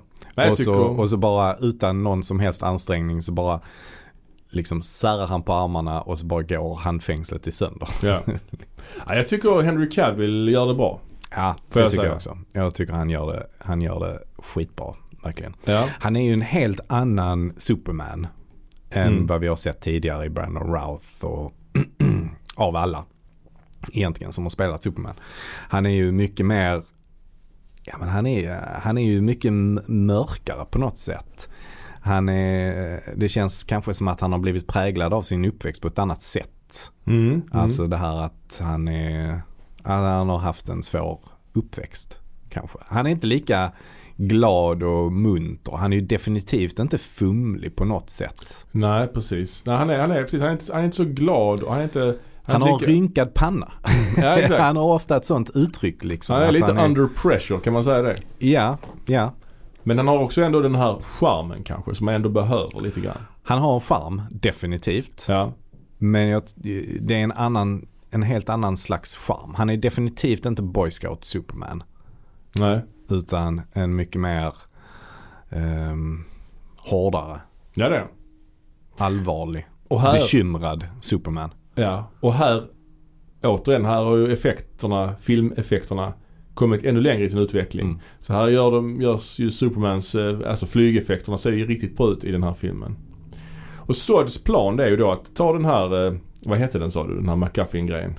Ehm, ja, vad hette den nu då? Den hette Codex. Nej, jo. Ja, något sånt. Codex. Ja, att ta den och återuppväcka krypton på jorden då.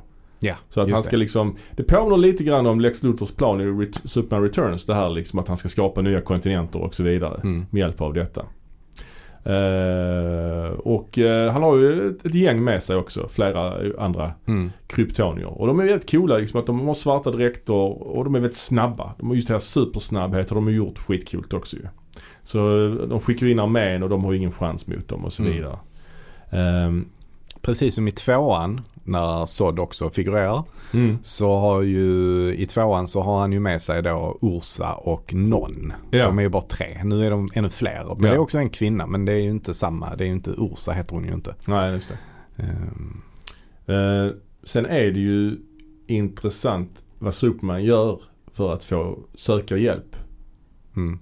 apropå Zack Snyders eh, religiösa tillhörighet. Superman går ju till kyrkan och sätter sig och pratar med en präst. ja just det. Det är ju, jag har svårt för det. Ja, ja, Varför skulle han göra det för det första? Han är ju utomjording för det första. ja.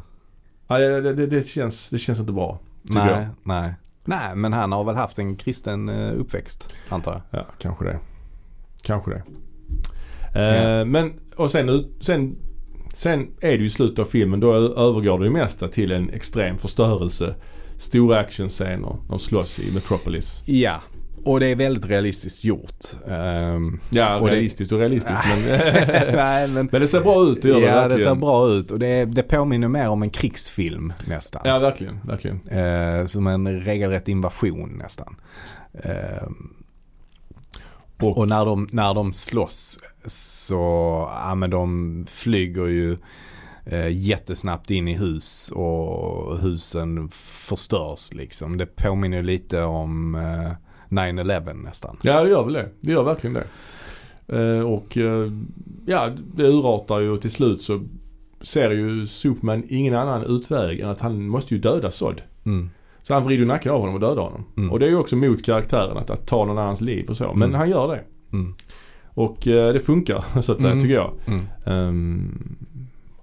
Och ja, sen avrundas väl filmen med att, att han kommer till Daily Planet som den här klassiska Clark Kent med glasögonen. Ja. Och presenteras för, introduceras för eh, Lois Lane. Och Perry White här ska vi säga spelas ju av Lawrence Fishburne. Mm. Just det. Och han, eh, han har ju lite mer karisma än Langella hade. Mm. Fortfarande ingen Jackie Cooper skulle jag säga. Nej, nej. I alla fall inte i den här filmen. Nej men precis.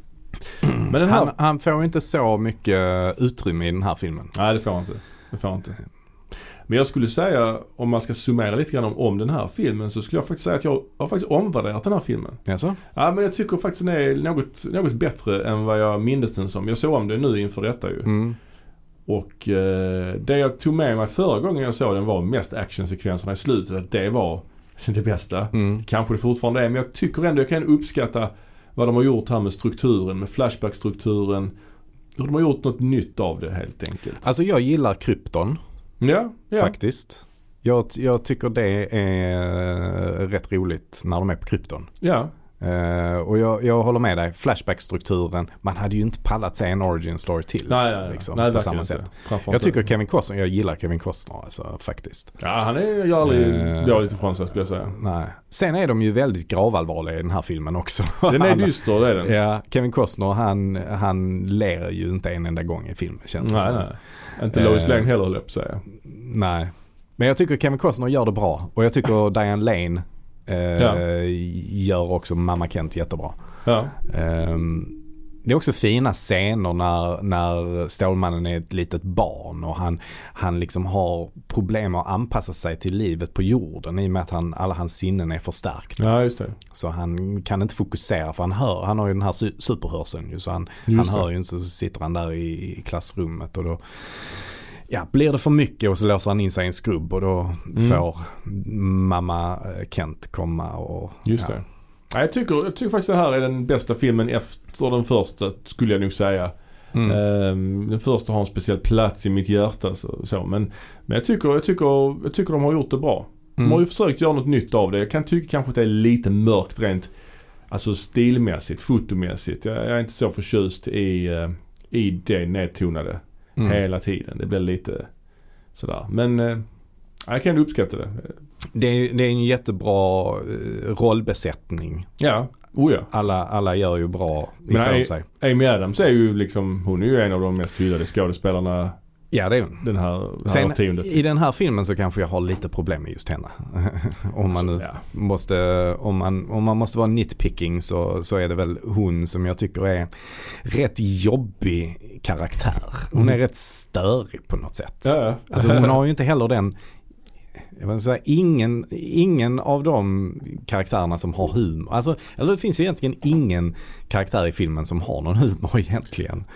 Eh, och hon har definitivt inte det medan då Margot Kidder var ju eh, väldigt rolig. Ja, ja. Liksom. Men så det, det finns ju inget sånt här. Nej men det är bara för att hon, antagligen för att hon inte har det här samspelet med Clark Kent. Mm. För han är ju inte Clark Kent i den här filmen förutom i slutet. Det är han ju den riktiga Clark Kent. Den här journalist Clark Kent. Det är bara Mm. precis slutet. För i de Mm. andra filmerna har de ju det här liksom rappa dialogen och så. Den är ju som bortblåst här. Mm. Här blir det mer att hon är någon slags undersökande reporter. Som en riktig journalist med.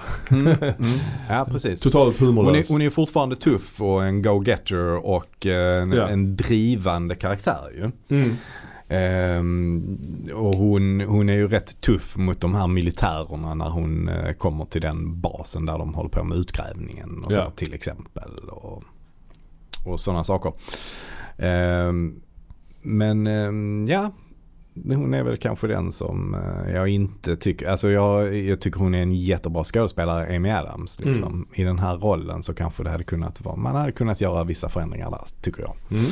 Ehm, men jag håller med, Henry Cavill gör, gör det jättebra. Och det här är mycket mer än Stålmannen som jag kan känna igen mig i. Liksom. Ja, Bort med den fumliga Clark Kent, det har jag nog sagt hundra gånger nu. Ja, ja. Men i alla, i alla fall, det, det är vad jag tycker. Så du håller den här filmen högre än eh, The Movie, Superman the Movie eller?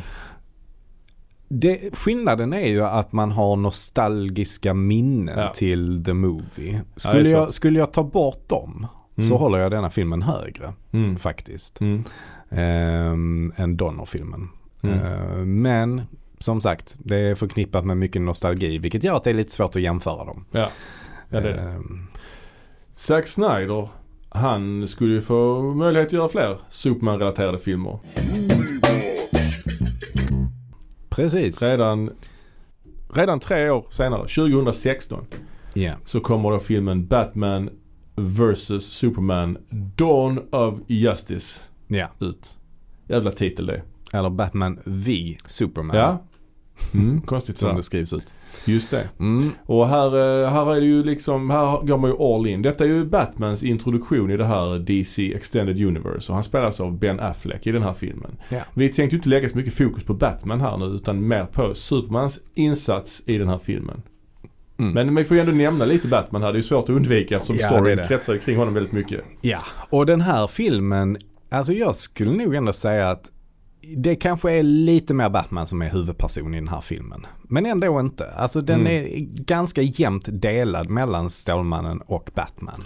Ja, och den tar ju, börjar ju där den förra filmen, eh, i slutet av förra filmen egentligen. Där, där Superman slåss mot Zod och eh, den här totala förstörelsen i Metropolis. Och man ser ju verkligen parallellerna till 9-11 här ju. Mm. Folket springer. Alla flyr ju från det här, den här totala Ja. förstörelsen. Utom då Bruce Wayne då. Mm. Som springer in i dammolnet In som ska rädda. Ja. Det är lite sådär, det är också lite förvirrande här. För här ligger ju Metropolis och Gotham City vägg i vägg i stort sett. Ja, ja. För han- Man, man ser dem ju. Alltså, det, är, så- det är som Mal- Ja. Malmö och Lund ungefär. Ja men precis. Eller Malmö, Köpenhamn. Nej, Helsingborg, Helsingör. Eller Stockholm, Södertälje. Ja exakt. Och han ringer ju till sitt här Wayne Enterprises Mm. och utrym byggnaden. Och då bara Ah, Bruce Wayne ringer. Han säger vi ska utrymma byggnaden. Varför har de inte gjort det tidigare? Det är liksom typ krig utanför. Ja. Eh, men, men vi ser ju verkligen, eh, han besitter stort mod och springer, alla springer ut från uh, dammolnet men eh, Bruce Wayne springer in i det. Ja. Ja, och han bevittnar den här förstörelsen och han ser ju då Stålmannen som eh, upphovsmannen till detta. Ja och han vet ju att Stålmannen är en utomjording. Det är ju allmänt känt. Och han liksom inser att vi kan inte ha en uh, utomjordisk livsform på vår Mm. planet som har en så, som, som i en handvändning kan förgöra oss. Mm. Så han måste vi kunna bekämpa. Ja, han ser honom som ett hot mot mänskligheten, Ja, helt enkelt. inte som en hjälte. Nej. Vad jag inte fattar riktigt i den här filmen med Batman just att är han Dels så verkar det som att han är en gammal, lite gammal, han är lite gråhårig ju. Mm. Men sen är Mm. det lite grann som att han är ny i stan också. Att, att man vis- visar Oh, den här maskerade Bat-vigilanten som härjar i Gotham som bränner in fladdermusbrännmärken i skurkar han fångar. Just det. Mm. Så man får lite, dels är det att han är på väg, att han har kommit tillbaks. Mm. Eller är det att han är en ny superhjälte? Mm. Det fattar jag. Nej, det är lite otydligt faktiskt. Det är otydligt. För den här filmen är ju väldigt inspirerad av Frank Millers eh, Dark Knight Returns från 1986. Mm. Som också handlar just om kampen. Delvis handlar om kampen mellan Superman och eh, Batman. Den, den, det seriealbumet har ju lagt, legat till grund för mycket av den här filmen. Och även en del i den här nya Joker-filmen är ju också taget Mm. ifrån den ju. Inte Mm. minst det här talkshow-segmentet. Mm. Ehm, men Men är inte de eh, förra Christopher Nolans Batman-filmer, är inte de också inspirerade av den då? Jo, jo Till viss del. Jo, I alla den fall, eh, mörka stilen. Men här är det ju tydliga händelseförlopp Mm. i, i detta ju. Just den här fighten mellan dem är ju Ja. med i Dark Knight Returns. Ja. Ehm, och sen återigen har ju Zack Snyder här tydliga eh, kristna paralleller. Det handlar ju mycket Ja. om Gud. De snackar mycket om Gud. Att han är en falsk Gud, Stålmannen. Mm. Och att eh, då Lex Luthor då, som vi ska Mm. prata om, vill döda Gud. Mm. Pratar de. Lex Luthor är ju också med. Han gör ju sin debut här då i DC EU. Spelad av Jesse Eisenberg. Just det. Känd från den här Facebook-filmen Social Network. Ja, bland annat. Och en massa annat också. Och han gör ju en något annorlunda tolkning av Luthor kan man ja, säga. det får man verkligen säga. Han är Eh, inte minimalistisk. Det finns ju en kul eh, anekdot till hur det kom sig att han fick den rollen. Ja. Han, är, han är ju helt annorlunda än vad alla andra. Alla andra har ju varit lite äldre Ja, ja. eh, som har spelat medan han här är 20 någonting känns det som. Ja, verkligen. Och då eh, någon slags tech-guru. Precis. han och äger då LexCorp Ja. som eh, är ett techbolag. Så han är ju miljardär, eh, framgångsrik företagare. Liksom. Så är det ju i and Clark också men, men så är det ju som det sa vi innan. Det, så var det ju inte i de andra filmerna direkt. Nej. Men, men, men det som var lite kul var ju då att när de skulle casta så den här eh, Breaking Bad var ju väldigt populär då. Mm. Och eh, så gillade de då han Bryan Cranston så han var ju också aktuell. Jaha. Men då sa Zack Snyder då att eh, ja men eh, kan du inte fixa den här, för Bryan Cranston spelar ju då en karaktär som kallar sig för Heisenberg. Ja, ja, ja. Och då sa Zack Snyder, kan du inte skaffa den där Heisenberg-killen till mig? Men så hörde castaren fel och, sk- och signerade Eisenberg istället. Oj, det är ju en helt annan typ av människa. ja. Jäklar. Nej, det är förmodligen en myt. Eh, Det var troligtvis inte så det gick till. Det får, det får man ju tänka på den här gamla, fan det hände på riktigt, det här japanska paret som skulle åka till Venedig. Eh, en gång. Mhm. Till Venice. Mm. Och hamna i Vännäs utanför Umeå. Det, det, det har hänt på riktigt alltså. alltså, Det är lite samma sak. ja. Ännu värre. Inget Ja. ont om Umeå naturligtvis. Eh, ja, men den här filmen är fylld av lite subplots. Lex Luthor, han vill ha kryptonit. Eh, Bruce Wayne vill också ha kryptonit. Alla vill ha kryptonit. Alla vill ha kryptonit. Mm. Ja men det är, det är ganska många, det är svårt att hålla reda på lite Lois grann Lane, hon håller, vad håller hon på med i den här filmen? Hon är med lite grann också ju. Ja, hon är med. Alltså i, i den här filmen så är ju Clark Kent och Lois Lane ett par. Ja det är de. De, har ju, de bor ihop. Ja. Och hon vet ju att eh, Clark Kent är Stålmannen. Yes. Så att det är ju en liten skillnad här mot eh, hur, det, hur det har varit i övrigt. Eh, om vi går tillbaka då till Lex Luthor så introduceras ju, ju han i, i, i det att han vill bärga det här gamla skeppet som kryptonerna kom i, alltså Ja. General Zod. Och då vill han ju då få tillstånd från en senator som spelas av Holly Hunter Ja.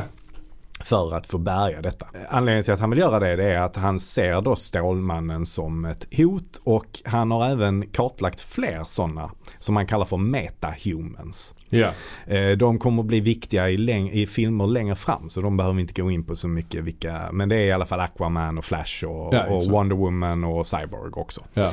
Eh, och han ser dem, de här som hot och han vill ha, kunna ha ett vapen. Och han säger att man behöver inte använda vapnet men det är viktigt att man har vapnet så att man kan välja att använda det. Liksom. Mm. Och vapnet ska han då bygga av kryptonit som han ska kunna utvinna från det här skeppet. Ja. Som ligger på eh, bot, havets botten någonstans. Eh, och samtidigt så skapas det då eh, hos, eh, i offentligheten eh, det, det är många som demonstrerar mot Stålmannen och han, Ja. han liksom står så högt i kurs. Så, så den här senatorn då, hon kallar Superman till ett publikt förhör i kongressen. Just det. Och då har ju Lex Luthor, smart som han är, planlagt detta. Så han har planterat en bomb där. Ja. Och den smäller och alla dör utom Superman. Ja. Och detta gör ju att Superman hamnar i ännu sämre dagar. Ja för alla tror att det är Superman som har förstört hela Kapitolium i Mm. Washington. Precis. Så han får folket emot sig här.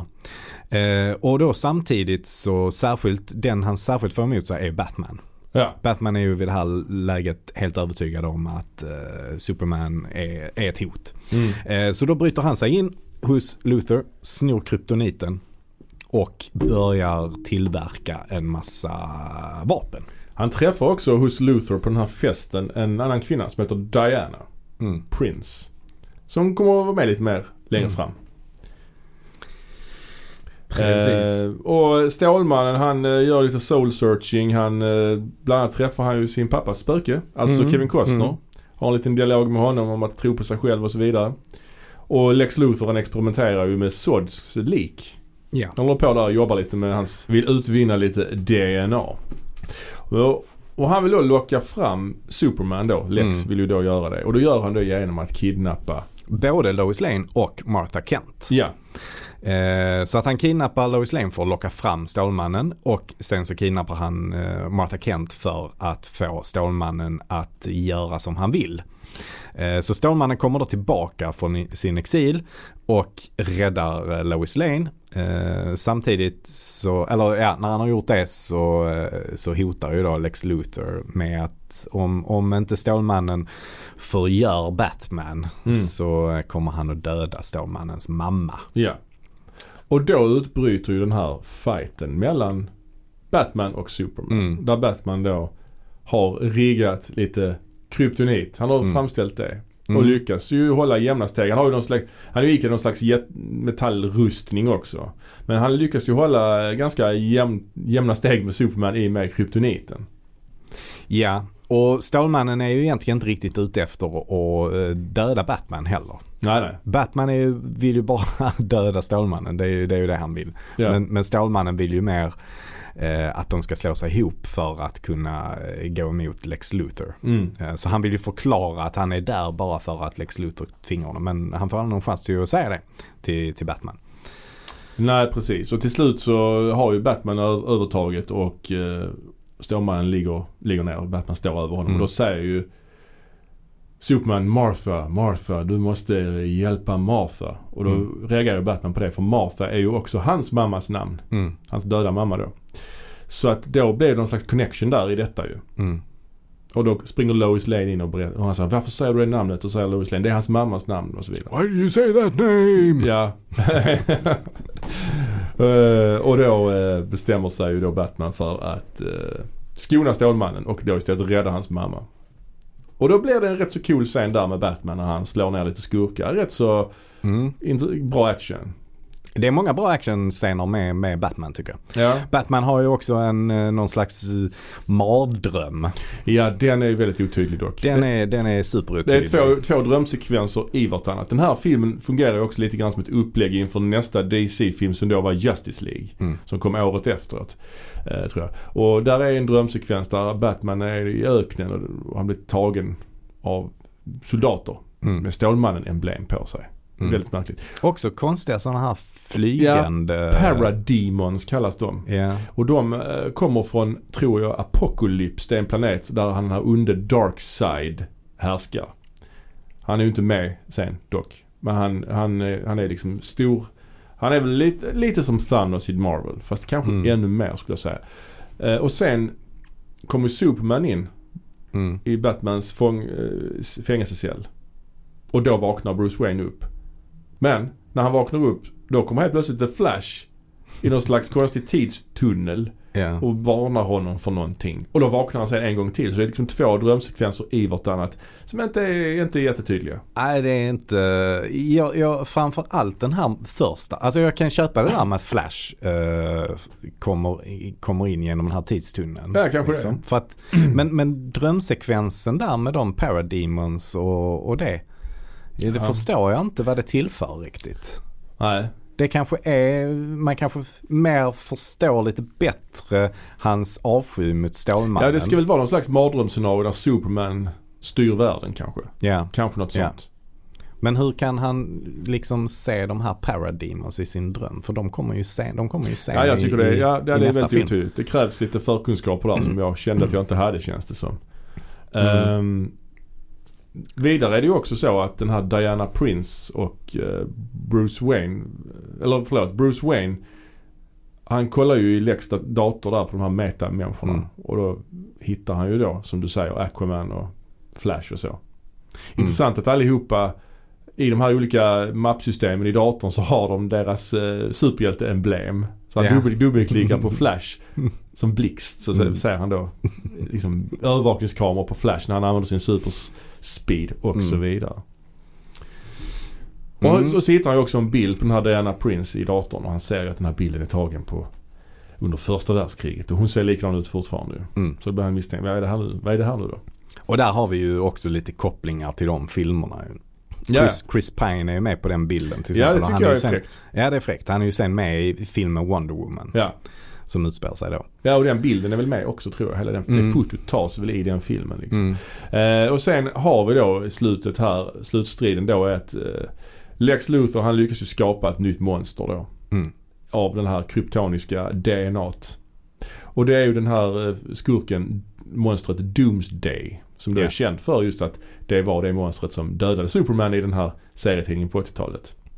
Ja och Doomsday förekommer ju också då i eh, den här tecknade serien, eller tecknade filmen Ja, Death of Superman. precis. Uh, förekommer också i Krypton-serien. Ja, ja. Alltså tv-serien. Ja, Ehm, så att det här Doomsday är en återkommande sån skurk. och han är ju ja, han är jättelik, stora muskler och eh, han är verkligen till synes osårbar. Ju mer man slår honom desto starkare blir han, känns det som. Mm. Och eh, ja, Stålmannen försöker bekämpa honom och Batman också. Batman har inga krafter men han skjuter ju missiler och så vidare. Mm. Och precis när Batman ska bli ihjälskjuten av Doomsday då hoppar ju någon fram och ställer sig i vägen. Och då är det ju Diana Prince då som då har svidat om Mm. till Wonder Woman. Och eh, detta gör ju då, i och med det gör ju hon sin debut ju som Mm. på, på film liksom. Och det tycker jag är lite mäktigt där när de står där bredvid varandra de tre. De kallas ju för the big three. De här Ja. tre karaktärerna. Det är de stora DC-karaktärerna. Det blir, det är väldigt, väldigt mycket i den här filmen som händer. Men just Ja. det tycker jag ändå är lite gött. Ja det tycker jag med. Det tycker jag med. Jag tycker det är supergött faktiskt. Ja. Eh, något som är kul också är ju att alla karaktärerna har ju en egen signaturmelodi. Just det. Och Wonder Womans signaturmelodi är riktigt eh, cool. Lite el- elgitarr. Elgitarr, Lite upptempo elgitarr. Det är lite gött. Ja. Och. Stålmannen har ju också en egen, jag, vet, jag tror Batman också har någon, Ja. men den är inte lika tydlig. Men Stålmannen har också en tydlig det, där, där gjordes ju musiken till, till den första Stålmannen-filmen här. Eh, i, alltså Man, Man of Steel. Man of Steel Ja. gjordes ju musiken av eh, Hans Zimmer. Ja. Så det är han som har gjort den signaturen. Men, men däremot till, till Batman och Wonder Woman så är det ju Junkie XL som har gjort den. Ja, ja, ja. Eh, Hans Zimmer hade ju redan gjort musiken till de tre Nolan Batman-filmerna. Ja. Så han ville ju inte göra musik till Batman igen. Ja, ja just det. Just det. Jag tycker att ju både, alltså Superman och Batmans ledmotiv i den här filmen är ju, jag, jag kan inte ens dem i huvudet. De är ju ingenting mot John Williams och Hans Zimmers och även Danny Elfmans Batman-grejer i, i de filmerna. Nej. Så, Ja men det är helt, an, helt Ja. annan typ av Ja. Det är ju Hans Zimmer, man vet ju lite grann hur han låter. Alltså det är, det är mörkt. Det är moll, liksom. Ehm, Det är inte lika mycket fokus på hjälte som det är i, John Williams musik. Nej precis. Men den här fighten urartar ju. Det blir ju som, lite grann som i förra filmen. Hela stan förstörs ju. Och de lyckas ju till slut döda Doomsday. Mm. Men till priset av att Stålmannen själv också dör. Ja. Så de dödar varandra med hjälp av kryptonit egentligen. Precis. Eh, och eh, Stålmannen dör som sagt och eh, får dubbla begravningar. Ja, En som Stålmannen och en som Clark Kent. ja just det. Eh, men hans riktiga kropp eh, ligger ju då i Smallville där han begravs som Clark Kent. Precis. Och eh, en av de sista bilderna i, i filmen är ju då att man får se jorden som ligger på eh, kistan. Att den börjar liksom Vibrera lite där. vibrera Ja. och höjas, alltså börja flyga uppåt. Liksom. Ja. Så att man får en liten hint om att ah, men han är inte död. Mm. Liksom. Ja, och det sätter ju upp inför nästa film då. Mm. Men det är lite intressant. Och, och ytterligare en sak som sätter upp det, det. Det som filmen slutar med är ju då att Mm. eh, Lex Luthor blir tillfångatagen Ja, just det. och eh, sitter i fängelse och de rakar av honom håret. Ja. Eh, så att han blir den eh, ja, Klassiska. fl- flintskallige klassiska Lex Luthor som vi är vana vid att se honom. Ja. Eh, och då kommer Batman där och eh, hotar honom lite grann. Mm. Och sen så, så, så säger han någonting så här. Ding ding ding. Som då är någon slags. Och så säger han he's coming, he's coming. ja. Och, och det är ju då någonting som hänvisar då till det som kallas för the mother box. ja, det är olika, ja precis. Det är det som sker sen i nästa film, Justice League. Hur Mm. då, eh, ja, som vi pratade om i vårt DC-avsnitt. Så vi behöver kanske inte prata så mycket om den Nej. filmen nu. Men det är just att, att eh, den här Steppenwolf ska komma till Mm. jorden och hämta de här motherboxarna. Mm. Eh, vi kan också dra en parallell för övrigt till den här Batman, äh, Batman vs Superman. Eh, parallellen till Dark Knight Returns. I den fighten är det just ett Batman som fejkar sin död. Mm. Mm. Så Superman vinner där ju så att säga. Mm. Ja men de har ju slått många gånger. Ja. Ett, eh, ja, 15-tal gånger eller någonting sånt där tror jag. Och det brukar, eh, det är ganska jämnt mellan vem som har vunnit. ja. Batman eh, har vunnit ganska många gånger. Man får ju säga att han vinner här i denna också. Ja.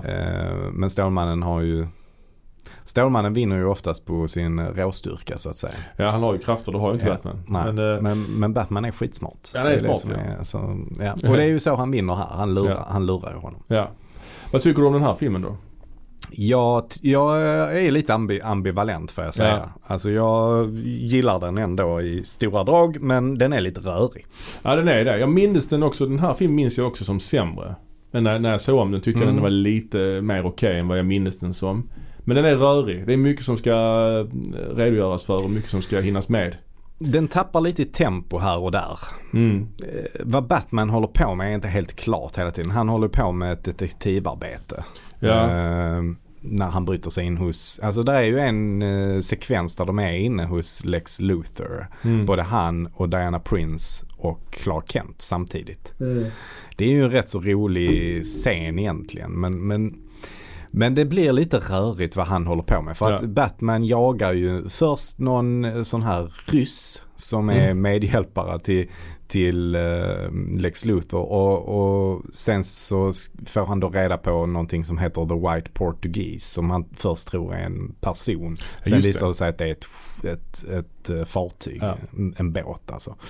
Eh, och allt det där är, inte- det är inte så himla engagerande, hans detektivarbete. Nej och sen. Utan, utan det, som är, det som jag tycker är coolt är att när han då hittar den här båten så, här, så blir han då lite jagad och så kör flyr han med sin eh, bil. Och till slut så lyckas han rymma från eh, Lex Luthors män. Men då så bara krockar han med Stålmannen. Och där blir det ju en jävligt cool scen mm. som jag gillar.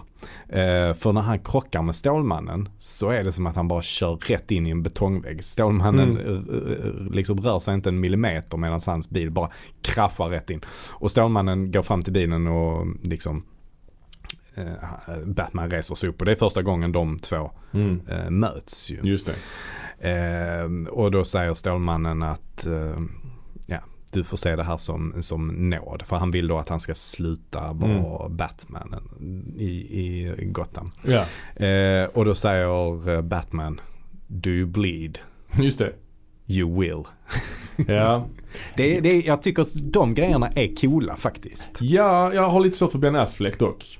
Eh, men jag tycker väl. eh, Jag har mer svårt för honom i, ehm, i, i Justice League. Ja, kanske det. Jag tycker att han är rätt okej här. Ja, det är Faktiskt. sant. Absolut. Ehm, sen har vi ju också då uh, Jesse Eisenberg. Vi kanske ska prata lite mer om vad, ja, det kan vi göra. vad vi tycker om honom. Jag är inte helt såld på eh, Eisenberg som Lex Luthor.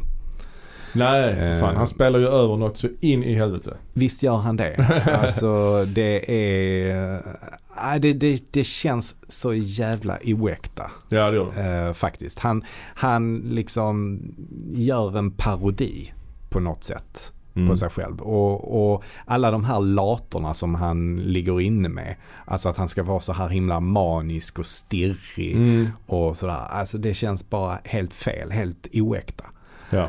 Ehm, jag gillar inte det alls. ja, jag håller med dig. Den här filmen är rörig. men Jag tycker den ändå är helt okej. Justice League-filmen som vi inte skulle prata så mycket om idag. För det är ingen Mm. regelrätt Stålmannen-film. Det är det ju. Det är en Stålmannen-film men han är ju bara en i mängden där höll jag på att säga. Där, den är ju ännu rörigare. Ja. Och den, den blev ju omgjord. De bytte regissör. Mm. Nu ska det ju komma nästa år Zack Snyders cut på den filmen. Så det ska bli spännande att se. Då kanske vi kan Mm. göra något, Mm. prata om den då istället. Ja men det kan vi göra. Ja, så vi går istället vidare. Ja. Senaste inkarnationen av Superman är ju egentligen inte Superman på det sättet. Men jag tänker på den här tv-serien Krypton. Ja. Och eh, som handlar, som utspelar sig på planeten Krypton Mm. innan Stålmannen ens existerade. Ja, precis. Och den handlar ju om Stålmannens farfar Seg L. Seg-L. Seg L. Ja. Segel. Segel. Eh, man har med John Williams musiken lite grann, hintar av den i, i serien här. Små, det? små Ah. par, partier. Mm, ja, just det. Ja. Mm. Eh, men den utspelar sig innan, innan Superman är född. Och eh, ja, Tar sin början då med att uh, Seg, Seg-L är ju då farfar till Stålmannen. ja, Och den börjar med att Seg-Ls farfar just det. blir då, han är en vetenskapsman och han blir då dömd till döden på grund av eh, Ja. att han eh, då Ja, forskar kring det här med att krypton eh, håller på och, och liksom kärnan håller på att sprängas eller vad Ja. det är. Ja, och det, man etablerar ju hela det här kryptons sam, klassamhälle. Det är olika familjer, olika släkter. Vissa är lite mer kastlösa. Mm. Så det är, man fördjupar ju verkligen hur, hur samhället är strukturerat. Mm. Och mycket kring eh, samhällsskicket och styret också just att det är väldigt religiöst. Alltså man Mm. har gudar som man, Mm. som man blir styrda av då som, ja. Och eh, familjen Zod är ju med också. Mm. eh, Och eh, andra familjer. Men en dag så springer ju Seg-El på en kille i baseballkeps. Ja just det. Som då är den här karaktären Adam Strange som är en DC-karaktär som då med människa, människa då som, som reser i tiden. Eh, och då berättar han ju om att Stålmannen kommer att existera någon gång i framtiden och han måste då göra si och så för att det ska ske. Mm. För att han, han menar då på att det är någon annan som har kommit från eh, framtiden. Som åker tillbaka till krypton för att se till att Stålmannen aldrig föds. Precis, så det är lite tillbaka till framtiden över detta kan man ja, det säga. är det, det är det. Så att, ja, Samtidigt har man då också ett annat hot och det är ju det som kommer från Brainiac. just det. Eh, som eh, då vill eh, käka upp krypton på något vänster. Ja, Brainiac, man etablerar Brainiac också lite grann. Som Mm. är en klassisk Superman-figur. Mm. Som är någon slags, vad ska man kalla någon slags collector av eh, världar på något sätt. Som åker runt i, i universum och gör Mm. samlar världar. Eh, ja, och den här serien den är ju, den är ju, vad ska man säga, den är ju inte, den hög, den är inte så jävla högkvalitativ. Men den, Nej, den är inte högkvalitativ. Alltså, men jag tror att det här tog sin början lite grann med att serien Gotham eh, kom ut. ja, För där visade man ju att man kunde göra en Batman-serie utan att ha med Batman. ja exakt. Och då försöker man göra samma sak med krypton. Ja. Problemet då är ju att krypton i Stålmannen, Stålmannen narrativet sprängs ju precis i början. Ja. Så här har man ju fått hitta på rätt mycket känns det som. Medan i, i Gotham så har man ju redan etablerat mycket under årens lopp. Mm. Alltså alla karaktärerna. Mm. Gordon och ja, Pingvinen och Mm. allt vad de heter. Mm. Mm. Så här är det ju mycket man får ta in. Mm. Om man inte är en eh, frekvent läsare av Superman-tidningen. Ja, det här är ju någonting helt annat. Alltså, Ja, ja. Det, det, alltså Gotham, ja men det påminner ändå rätt mycket om, om Batman. Mm. Medan krypton är ju någonting helt annat än Stålmannen. Här, Alltså, vill, ja. Här handlar det ju jättemycket om mytologi. Alltså det här är mer en fantasy-serie. ja men detta är sätt. lite Game of Thrones. Det är verkligen Game of Thrones. Alltså man har de här släkterna som fejdar och så. Exakt. Och jag tycker till och med att den här karaktären som är den här styrande överhögheten, den här guden. Ja, han med tre huvuden, tre ansikten. Ja, eller det är ännu fler. Alltså, Ja, han, mask, han sån- Ja, han har ja. någon mask på sig liksom. Ja, med ansikten runt hela huvudet liksom. det, det liknar ju väldigt mycket. De som styr den här ön där hon, eh, Daenerys är ja. De här Ja. gladiatorspelen och hit och dit Ja, mm. precis. Kommer Eh, Sons of, nej jag, minns Ja, inte vad, jag minns inte vad de hette där liksom. Men, men vi har även något liknande i Game of Thrones ju med de här prästerna som är i Kings Landing. Ja, ja. Alltså de som tillhör den här sekten som eh, Jonathan Price dem. Jonathan Price, ja. Ja. precis. Alltså så det finns ju man, har ju, man har ju försökt skapa någonting som är lite Game of Thrones fast i Superman-världen. Och där har vi ju precis. Och det, det, jag tycker ändå den är, jag har ju inte sett allt naturligtvis. Men jag, jag, jag har inte hunnit det. Men jag, jag tycker ändå det är, det är hyfsad underhållning sådär. Det är ju. Ja, det, det, är, det är väl okej liksom. Men jag tycker den lider lite av, den hade behövt ha lite mer budget. Ja. För ska man göra någonting som, Game of Thrones hade ju skyhög budget Ja, jämfört med ja. detta. Jag tycker man blir rätt trött på de här scenerierna som är samma hela tiden. Det är, man ser så tydligt att det är gjort i en studio där de har liksom Ja, ja stage-scenografin ja. Ja, ja, ja. De har en tre, fyra olika miljöer som de är hela tiden. Ja, liksom. en, en gata som man försöker hitta nya vinklar på Ja. för att det ska se ut som en annan gata och så vidare. Och det är väldigt mycket dialog hela tiden Mm. mellan eh, Adam Strange. Där finns ytterligare någon sån där sidekick till Segel som är Mm. någon bartender av något slag. Ja, just det. Alltså det är, det är väldigt dialogdrivet Mm. hela tiden. Och eh, ja, man tröttnar lite på det faktiskt. Och den lades ju ner efter säsong två va? Mm. Så att eh, den blev väl ingen hit så att Nej. säga. Sen å andra sidan så är det intressant att se var den här familjen Sod kommer ifrån. Mm. Ehm, att de liksom var den styrande militära familjen Ja, på precis. Krypton. Mm. Mm. Ja. Ska vi eh, summera? Det har ju förekommit rätt många olika varianter på Clark Kent och Superman och även, Amy, eller även eh, Lois Lane och, Mm. och Lex Luthor och sådär. Så jag tänkte bara kolla, har du någon favorit? Om vi börjar med eh, Superman. Superman själv, vem, vem, är min favorit Superman av de här Superman slash Clark Kent. Ja, det är ju nästan två olika karaktärer. Ja, Men egentligen. jag har rätt svårt att se förbi Christopher Reeve ändå. Mm. Det är ju mycket nostalgi där. Jag tycker han, han är bäst ur den aspekten att han är väldigt, det är väldigt stor skillnad på honom när man jämför honom, alltså hans Superman och hans Clark Kent. De skiljer sig väldigt mycket åt. Mm. Det tycker jag är starkt. Plus att han är Superman från min barndom och så vidare. Lite grann som vem var James Bond när du var liten? Det är Mm. min Bond så, och så vidare. Men samtidigt så tycker jag ändå att Henry Cavill gör ett väldigt bra jobb också.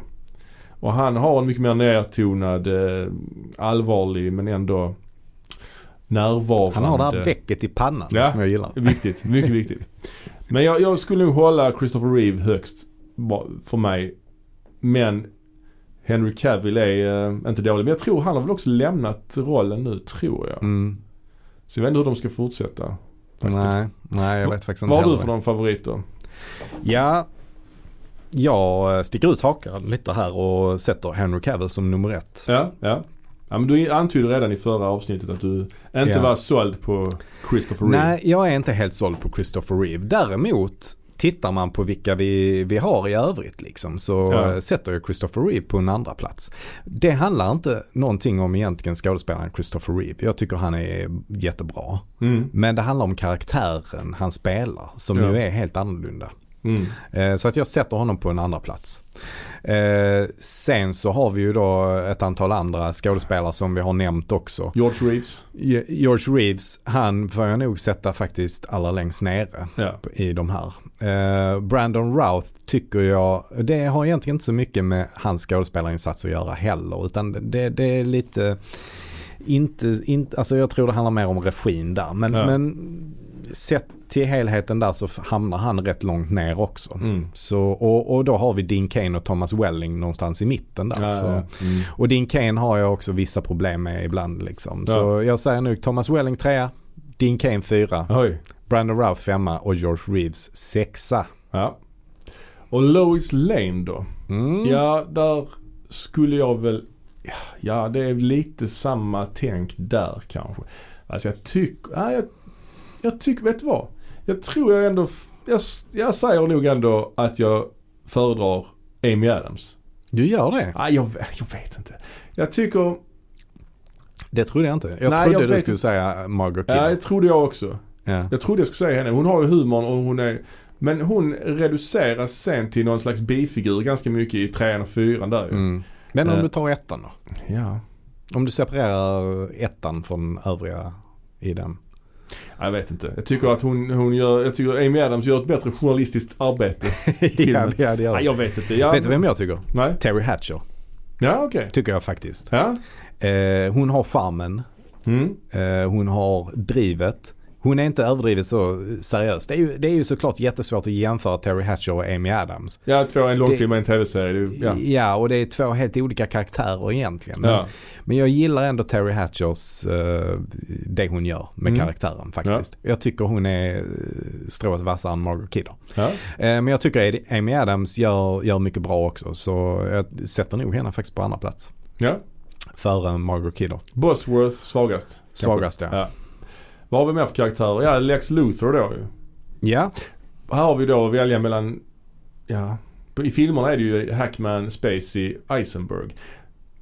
Alltså Lex Luthor för mig, han är rätt, jag gillar inte den karaktären egentligen. Jag tycker inte den karaktären är speciellt intressant alltså. Jag nej. tycker han är rätt tradig alltså. Och jag vet inte, jag skulle säga Gene Hackman då som etta. Även om jag tycker inte han är helt klockren heller liksom. Nej. Han är lite för komisk. Mm. Jesse Eisenberg spelar över alldeles för mycket. Han är tosig liksom. Mm. Och Kevin Spacey han, han kör sin liksom Mm. pokerface Ja. psykopat Nej men jag tycker Eisenberg är faktiskt den sämsta Ja. Lex Luthor. Ja, verkligen. Eh, jag tycker den jag gillar bäst är faktiskt John Shea från eh, Lois and Clark. ja, okej. Så Ja. det, det är både min favorit eh, Lois Lane och favorit Lex Luthor är från Lois and Clark Ja, ja. faktiskt. Nej men han, han känns som den mest, konstigt nog, mest realistiska Mm. eh, Lex Luthor Mm. faktiskt. Han är, han är den första gången vi ser honom som den här rika miljardären, den, den viktiga liksom samhällsmedborgaren. Och, och han känns verkligen ondskefull. Sen håller han samtidigt på med sådana konstiga grejer att han han, han har någon sån indisk uh, guru där också Ja, ja, ja. som släpper ut ormar och sånt eh, Mm. som han ska upptäcka. Ja, Eh, ja nej men jag, jag, tycker han, eh, jag tycker han hamnar högt upp. Gene Hackman på grund av helt andra kvaliteter Mm. som god andra plats. Ja. Och, Ice- och sen eh, Kevin Spacey och sen Eisenberg. Ja, ja. ja, ska vi eh, säga så då? Vi har alltså pratat om Superman nu i två avsnitt. Eh, det känns som att vi inte kommer att prata om Superman igen på ett bra jävla tag. Nej, Möjligtvis när Snyder-cutten släpps så att vi kan prata lite om den då kanske. Eh, ja, ska vi säga så då? ja det gör vi. Ja. Ha det så bra. Hör Ha- oss igen. Ha det bra. hej. hej. Hej.